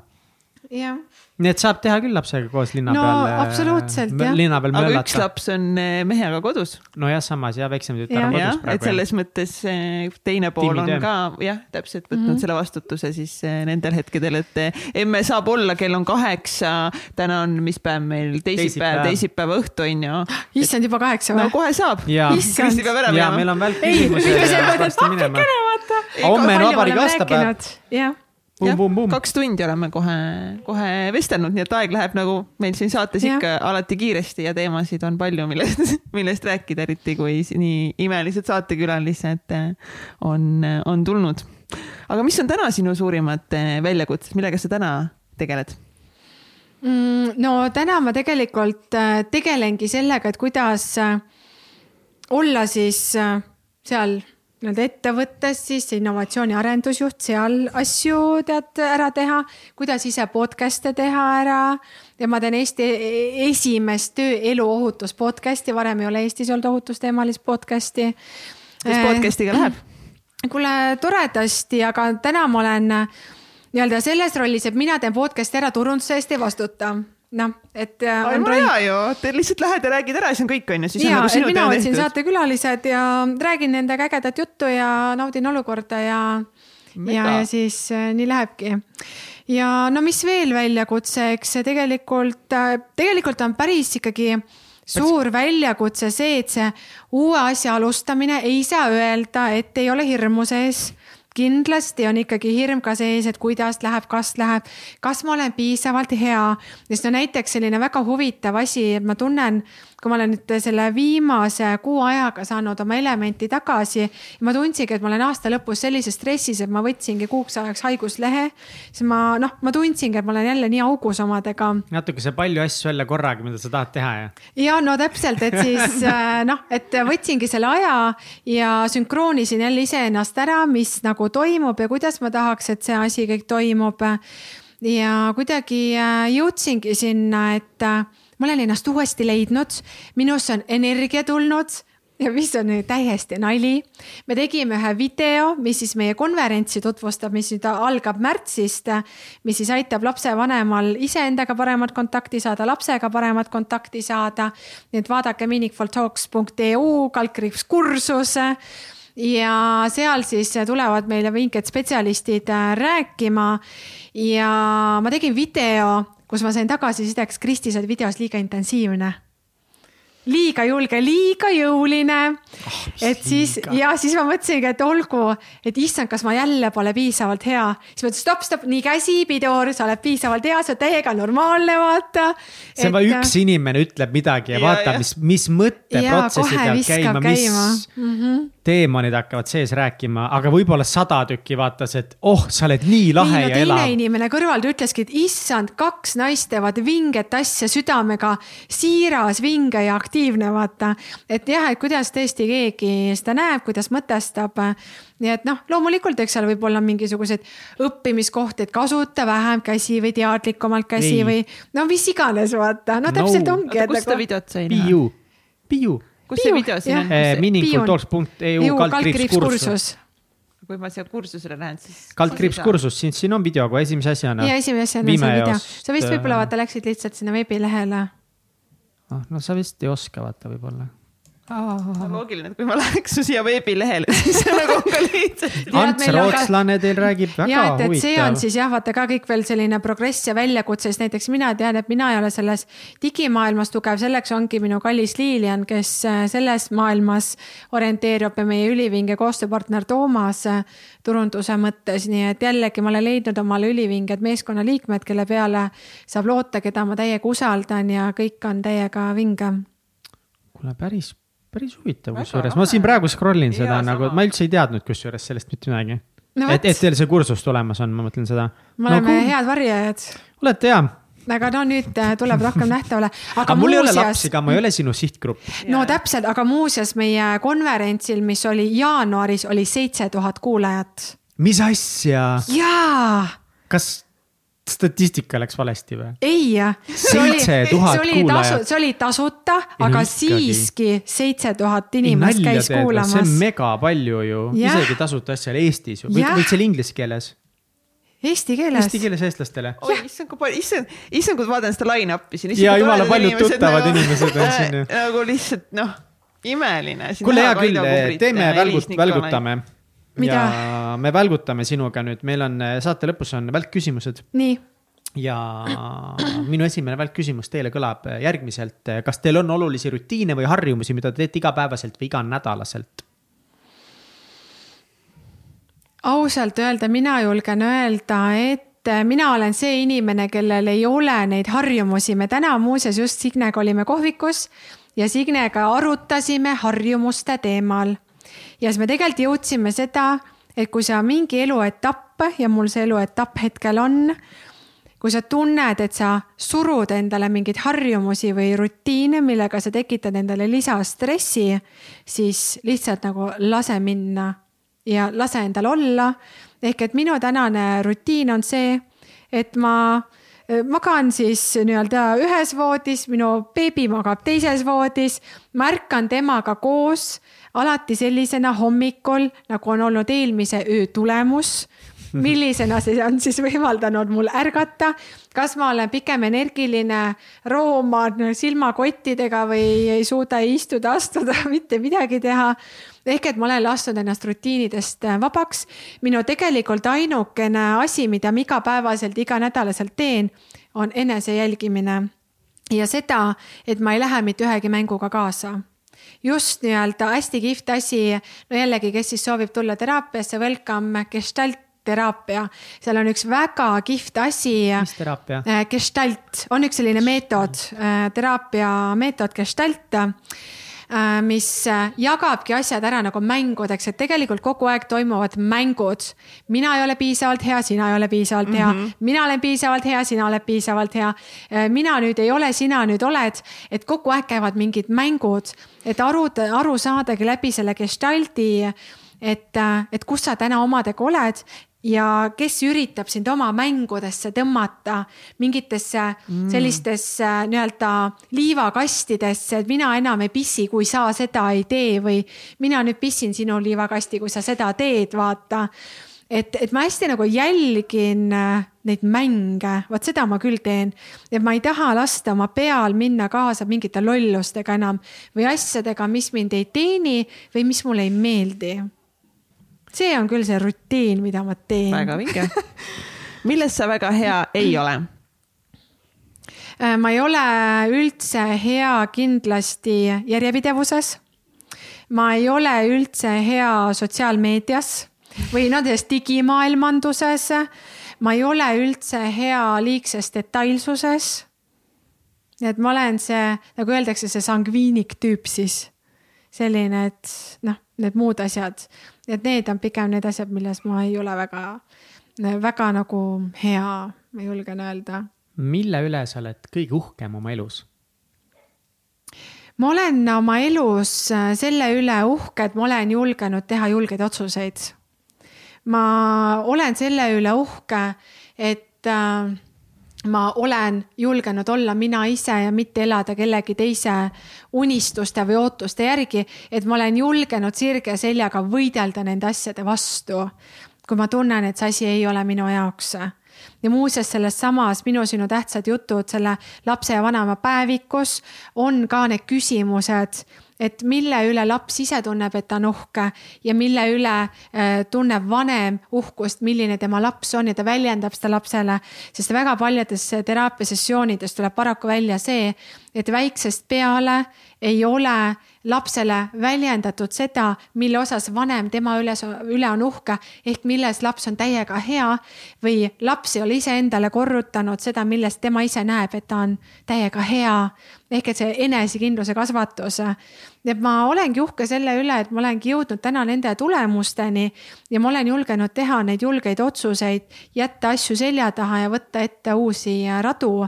ja need uued rajad sünnivadki, kui sa hüppadki tundmatusse mm. põõsasse, sahistad seal täiega ja sa ei tea, kes sul seal põõsa taga ootab, aga sa oled selleks ootamatuseks valmis, sest see on me mõtlesime Liilianiga välja uue diagnoosi, mitte ei ole ärevushäire, vaid on elevushäire nii et ma olen nagu valmis täiega sihukest nagu elevushäire elu elama. mis on kõige pöörasem asi, mis sa elus teinud oled ja kas sa teeksid seda uuesti? kõige pöörasem, et ausalt öelda ma ütlekski, et kõige pöörasem asi oli ikkagi see USA raamatu müük. ja ma teeks seda täiega uuesti, noh, tegelikult niimoodi, kui ma saaks seda mingisuguses sellises kontekstis nii-öelda niimoodi läbida. ma tean, et ma täna küll ei läheks äh, USA-sse raamatuid enam müüma, onju aga noh, jälle noh, vaata, ma olen nüüd tsiklisõitja ja kõik need igasugused noh, mäed ja asjad ja noh, et ma õpiks endale iga hetk juurde uusi selliseid äh, põnevaid oskusi. No näiteks nagu see tsiklisõit, igaüks ei lähe õppima seda, et ma õpiks iga hetk omale selliseid põnevaid asju juurde. põnev, põnevaid asju, et vaata muidu koolitab, et tööohutust ja kuidas nagu kõik on ohutu ja ise lihtsalt mingi paneb mägedes tsiklitega igal pool ringi. ei muuseas, koolitusel ma ju tõin ka selle näite, et miks teate ohutuse mõttes ei ole mõte, mõtet võtta shortcut'i, sest mis minuga juhtus, esimesed loapäevad tsikliga. Läksime sõbraga teisele sõbrale külla, eelnevalt ostsime arbuusi, arbuus oli seljakotis. nii vaatasime, et oh, õhtu käes peaks koju minema, aga läheksime ta lühemat teed kodu, nii-öelda kodu poole. Läksime läbi ühe mururaja, mina algaja tsikli inimene siis, seljas oli siis äh, see tore arbuus seljakotiga. ma mõtlesin, et oh, aga tee on ju nii lühikene, jätan oma selle kiivri noka ülesse. ja mis siis juhtus, sõidan vapralt siis äh, ees, sõitja olin sõidan läbi selle nii-öelda raja, kus ei olnud küll muru, aga ühel hetkel sattus ette murututt. ma ei tea, mis minu peas toimus, aga ma otsustasin sõita läbi selle murututi. aga kahjuks seal ei olnud ainult murututt, vaid seal oli kivi ka. ja mis seal siis juhtus, oli see, et selle asemel, et nagu pidurdada ma ju põrkasin sinna kivi vastu, ehk ma keerasin gaasi peale ja ma tegin salto. niimoodi, et mul oli nägu oli kõik lõhki ja verine. Aga teate, mis oli nagu jumala vinge, arbuus jäi nagu täiega terveks. Aga nägu oli lõhkeverine, kas nagu tagasi... scars for life, ma ei näe, et sul oleks ja, nägu õnneks nagu paranes hästi. ja kaassõitja siis, noh taga käis, mul sõitis, küsis kas ma sõidan tsikliga ise maja juurde, ei, ma sõidan ise, tõmbasin selle alla ja sõitsin ise siis majani ära. nii et noh, et igatahes wow., seal tuli õppetund, et, et inimesed, et ärge võtke nagu shortcut'e, et alati pole mõistlik. et ikkagi läbi rada, nii nagu vaja. mis on edu võti? edu võti on see, et sa vaatad läbi lukuaugu ja sa tead, et tegelikult kõik on võimalik ja siis sa panedki selle võtme sinna lukuauku ja keerad kõik võimalused lahti. väga Nii ilus, poeetiline, aga väga-väga ilus mõte. et sa kõigepealt pead vaatama ja sa pead aru saama, et kõik on võimalik ja siis sa hakkad pihta, hakkad tegutsema mm. -hmm. Mm -hmm. Mm -hmm. skaalal ühest kümneni, kui veider sa oled? no, no enda arvates. no, no ma arvan, et ma olen sihuke suht kaheksa tugev kaheksa kas sul on ka juhuslikult mõni lemmiktsitaat? muuseas on, see käib küll minuga kaasas, et asju saab teha koos inimestega, mitte läbi inimeste ohoo, põnev. niimoodi, meil on sulle nüüd Million Mindseti poolt ka raamatud, mille vahelt saad valida. rääkisid, kui väga sulle siin meeldib raamatuid lugeda, nii et issand, kui äge nüüd eh, saate valida siit eh, nelja raamatu hulgast eh, Imede hommik. Hall Elrodi oma. Hall, et soovid rääkida? mis, mis ma soovin rääkida? okei okay,, ma enne kella kaheksat ei ärka, see ei sobi mulle noh, jah, okei okay. see enne see... räägib, kuidas üles ehitada oma hommikurutiine siis õhtust hommikust alati. on rutiin juba. rutiin, olgu mulle rutiin ei sobi on põnevust vaja. ei ühtki einet üksi ja teisi nippe, et suhete loomise abil edu saavutada nii, siis on mõtlemist muutes rikkaks naistele. ja siis on eh, miks sa oled rumal, haige ja rahast lage ning kuidas saada nutikaks, terveks ja rikkaks. raamat ei ole viisakas, diplomaatiline ega tavapärane, Renny Cage mina ikkagi läheks äh, kahekesi äh, niimoodi kuskile einele. ehk et ei ühti hetnet üksinda nautida, vaid et äh, head suhted. ehk et muuseas, see läheb minu selle sloganiga täiega kokku. asju saab teha koos inimestega, mitte läbi inimeste. ehk et sa arvestadki selle inimese olemuse kõikide tema asjadega, mitte ei anna talle hinnanguid ja ei taha, et oleks keegi teine, onju. ehk et sa oledki selle inimesega koos. nii et ma lähen selle inimesega täiega einele Teil sajab siin mingisugust. heina alla. laadsin keegi konfetid ära koristada, Egert on ära koristanud, meil olid laes konfetid. ja, me laseme konfette päris tihti siin. see on niimoodi. katsi teema ja see on äh, päris lahe. tuleb äh, tähistada äh, konfettidega uh,. Kristi, aitäh sulle. aga enne veel. aga enne veel, täpselt. kus siis inimesed saavad sinu tegemistel kõige paremini silma peal hoida?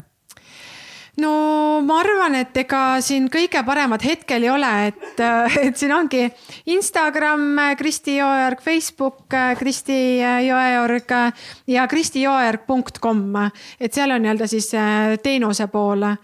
nii et, et sealt ma üsna kõike niimoodi toredasti jagan ja teen ja olen ja, ja olen pärast kahte tundi istumist ütleb minu äh, kell mulle, et ma just saavutasin oma tänase seismise eesmärgi. Stand goal achieved, you reached your stand goal master, nicely done. Ma olen kaks tundi istunud. Ja, hea töö, Mihkel, jätka samas, sa oled ka samas uh, vaimus. ma olen tervislik. sa oled tervislik. väga hea. sportlik lausa. Mm -hmm.. okei okay,, aga Nüüd, eh, ka veebileht. Mm. -hmm ütlesid juba? ja kristijõerg.com jah. jah, ja kaldkriips siis äh, ei, ei viib, mitte see, see. seal ei ole ja teine meaningfultalks.eu, äh, praegu on kaldkriips kursus alates viieteistkümnendast märtsist. tuleb vinge kursus lapsevanematele ja teistpidi siis seal me teeme webinare, me teeme videosid, me loome sisu. me igatahes tahaks, et meie oma lapsed saaksid kasvada paremas ühiskonnas. oh kuule, sa mingi saate kuulajatele mingit sooduskoodi tahad teha või? Teiega siin, tahaks. praegu pressure kohe siin, kõik praegu kuulavad. aga millal saate üles läheb, sest meil viieteistkümnendal vaata algab. kaheksas märts, aga kaheksas märts. ja viieteistkümnendani no, siis saab veel ja, aga davai, teeme siis äh, ikka midagi sihukest, äh, teeme näiteks kakskümmend protsenti. uh. nagu why not muidugi kiiretele viimastele ostjatele. jah, täpselt, et see, kes tunneb, et ta tahab saada väärtust ja ta tahab õppida, tahab olla parem lapsevanem ja tahab aega panustada ja saada teha häid harjutusi, siis äh, täiega ootame paneme, et äh, parem lapsevanem. ei, mis asja, see peab ikka olema meiega seotud. täitsa pekkis lapsevanem, ei see on liiga pikk. täitsa pekkis lihtsalt. no paneme lihtsalt täitsa pekkis. meil on nii tore ju see meie. või et pekist välja ei ole, peki sees on väga hea soe, soe ja turvaline no,. siis täitsa pekkis, et siis on ikka õige kontekst, noh. täpselt. täpselt, ära siis unusta seda sooduskoodi teha, kui seda kohe kuskile kirja panna. ma pean oma kallile Liilale info edastama, et ta seda sooduskoodi teeks. täpselt, mitte ei lähe ise tegema, muidugi. et see ei ole ju minu tugevus, jah. õppinud siin. nii tore, aitäh aitäh, aitäh, aitäh Kristile ja ma pean siinkohal ütlema ka aitäh eh, Signe Ventselile, tänu kellele mul õnnestus Kristiga üldse tuttavaks eh, saada, nii et aitäh mm, -hmm. Signe, et sa nii vinge naise minu, minu ellu tõid. Teiega vinge. ma olen väga õnnelik, et vuhuu. Teiega saab vinget värki teha vinget värki. Aitäh, et kuulasid saadet Täitsa Pekkis saade tõid teieni Katrin Hindrikus-Karu ja Mihkel Vetemaa. tehniline juht Egert Karu. supernataspai Triin Tallo. ÜRO Supreme Manager Kelly Treu. ja NASA juhtivanalüütik Kaari Aupaju. kui see saade läks sulle korda ja inspireeris sind, siis toeta meid Patreonis, patreon.com, kaldkriips, täitsa pekkis tee ära. Saadet toetavad United Dream Studios, Tint Disain, Million Mindset kirjastus ja Blender. järgmise korrani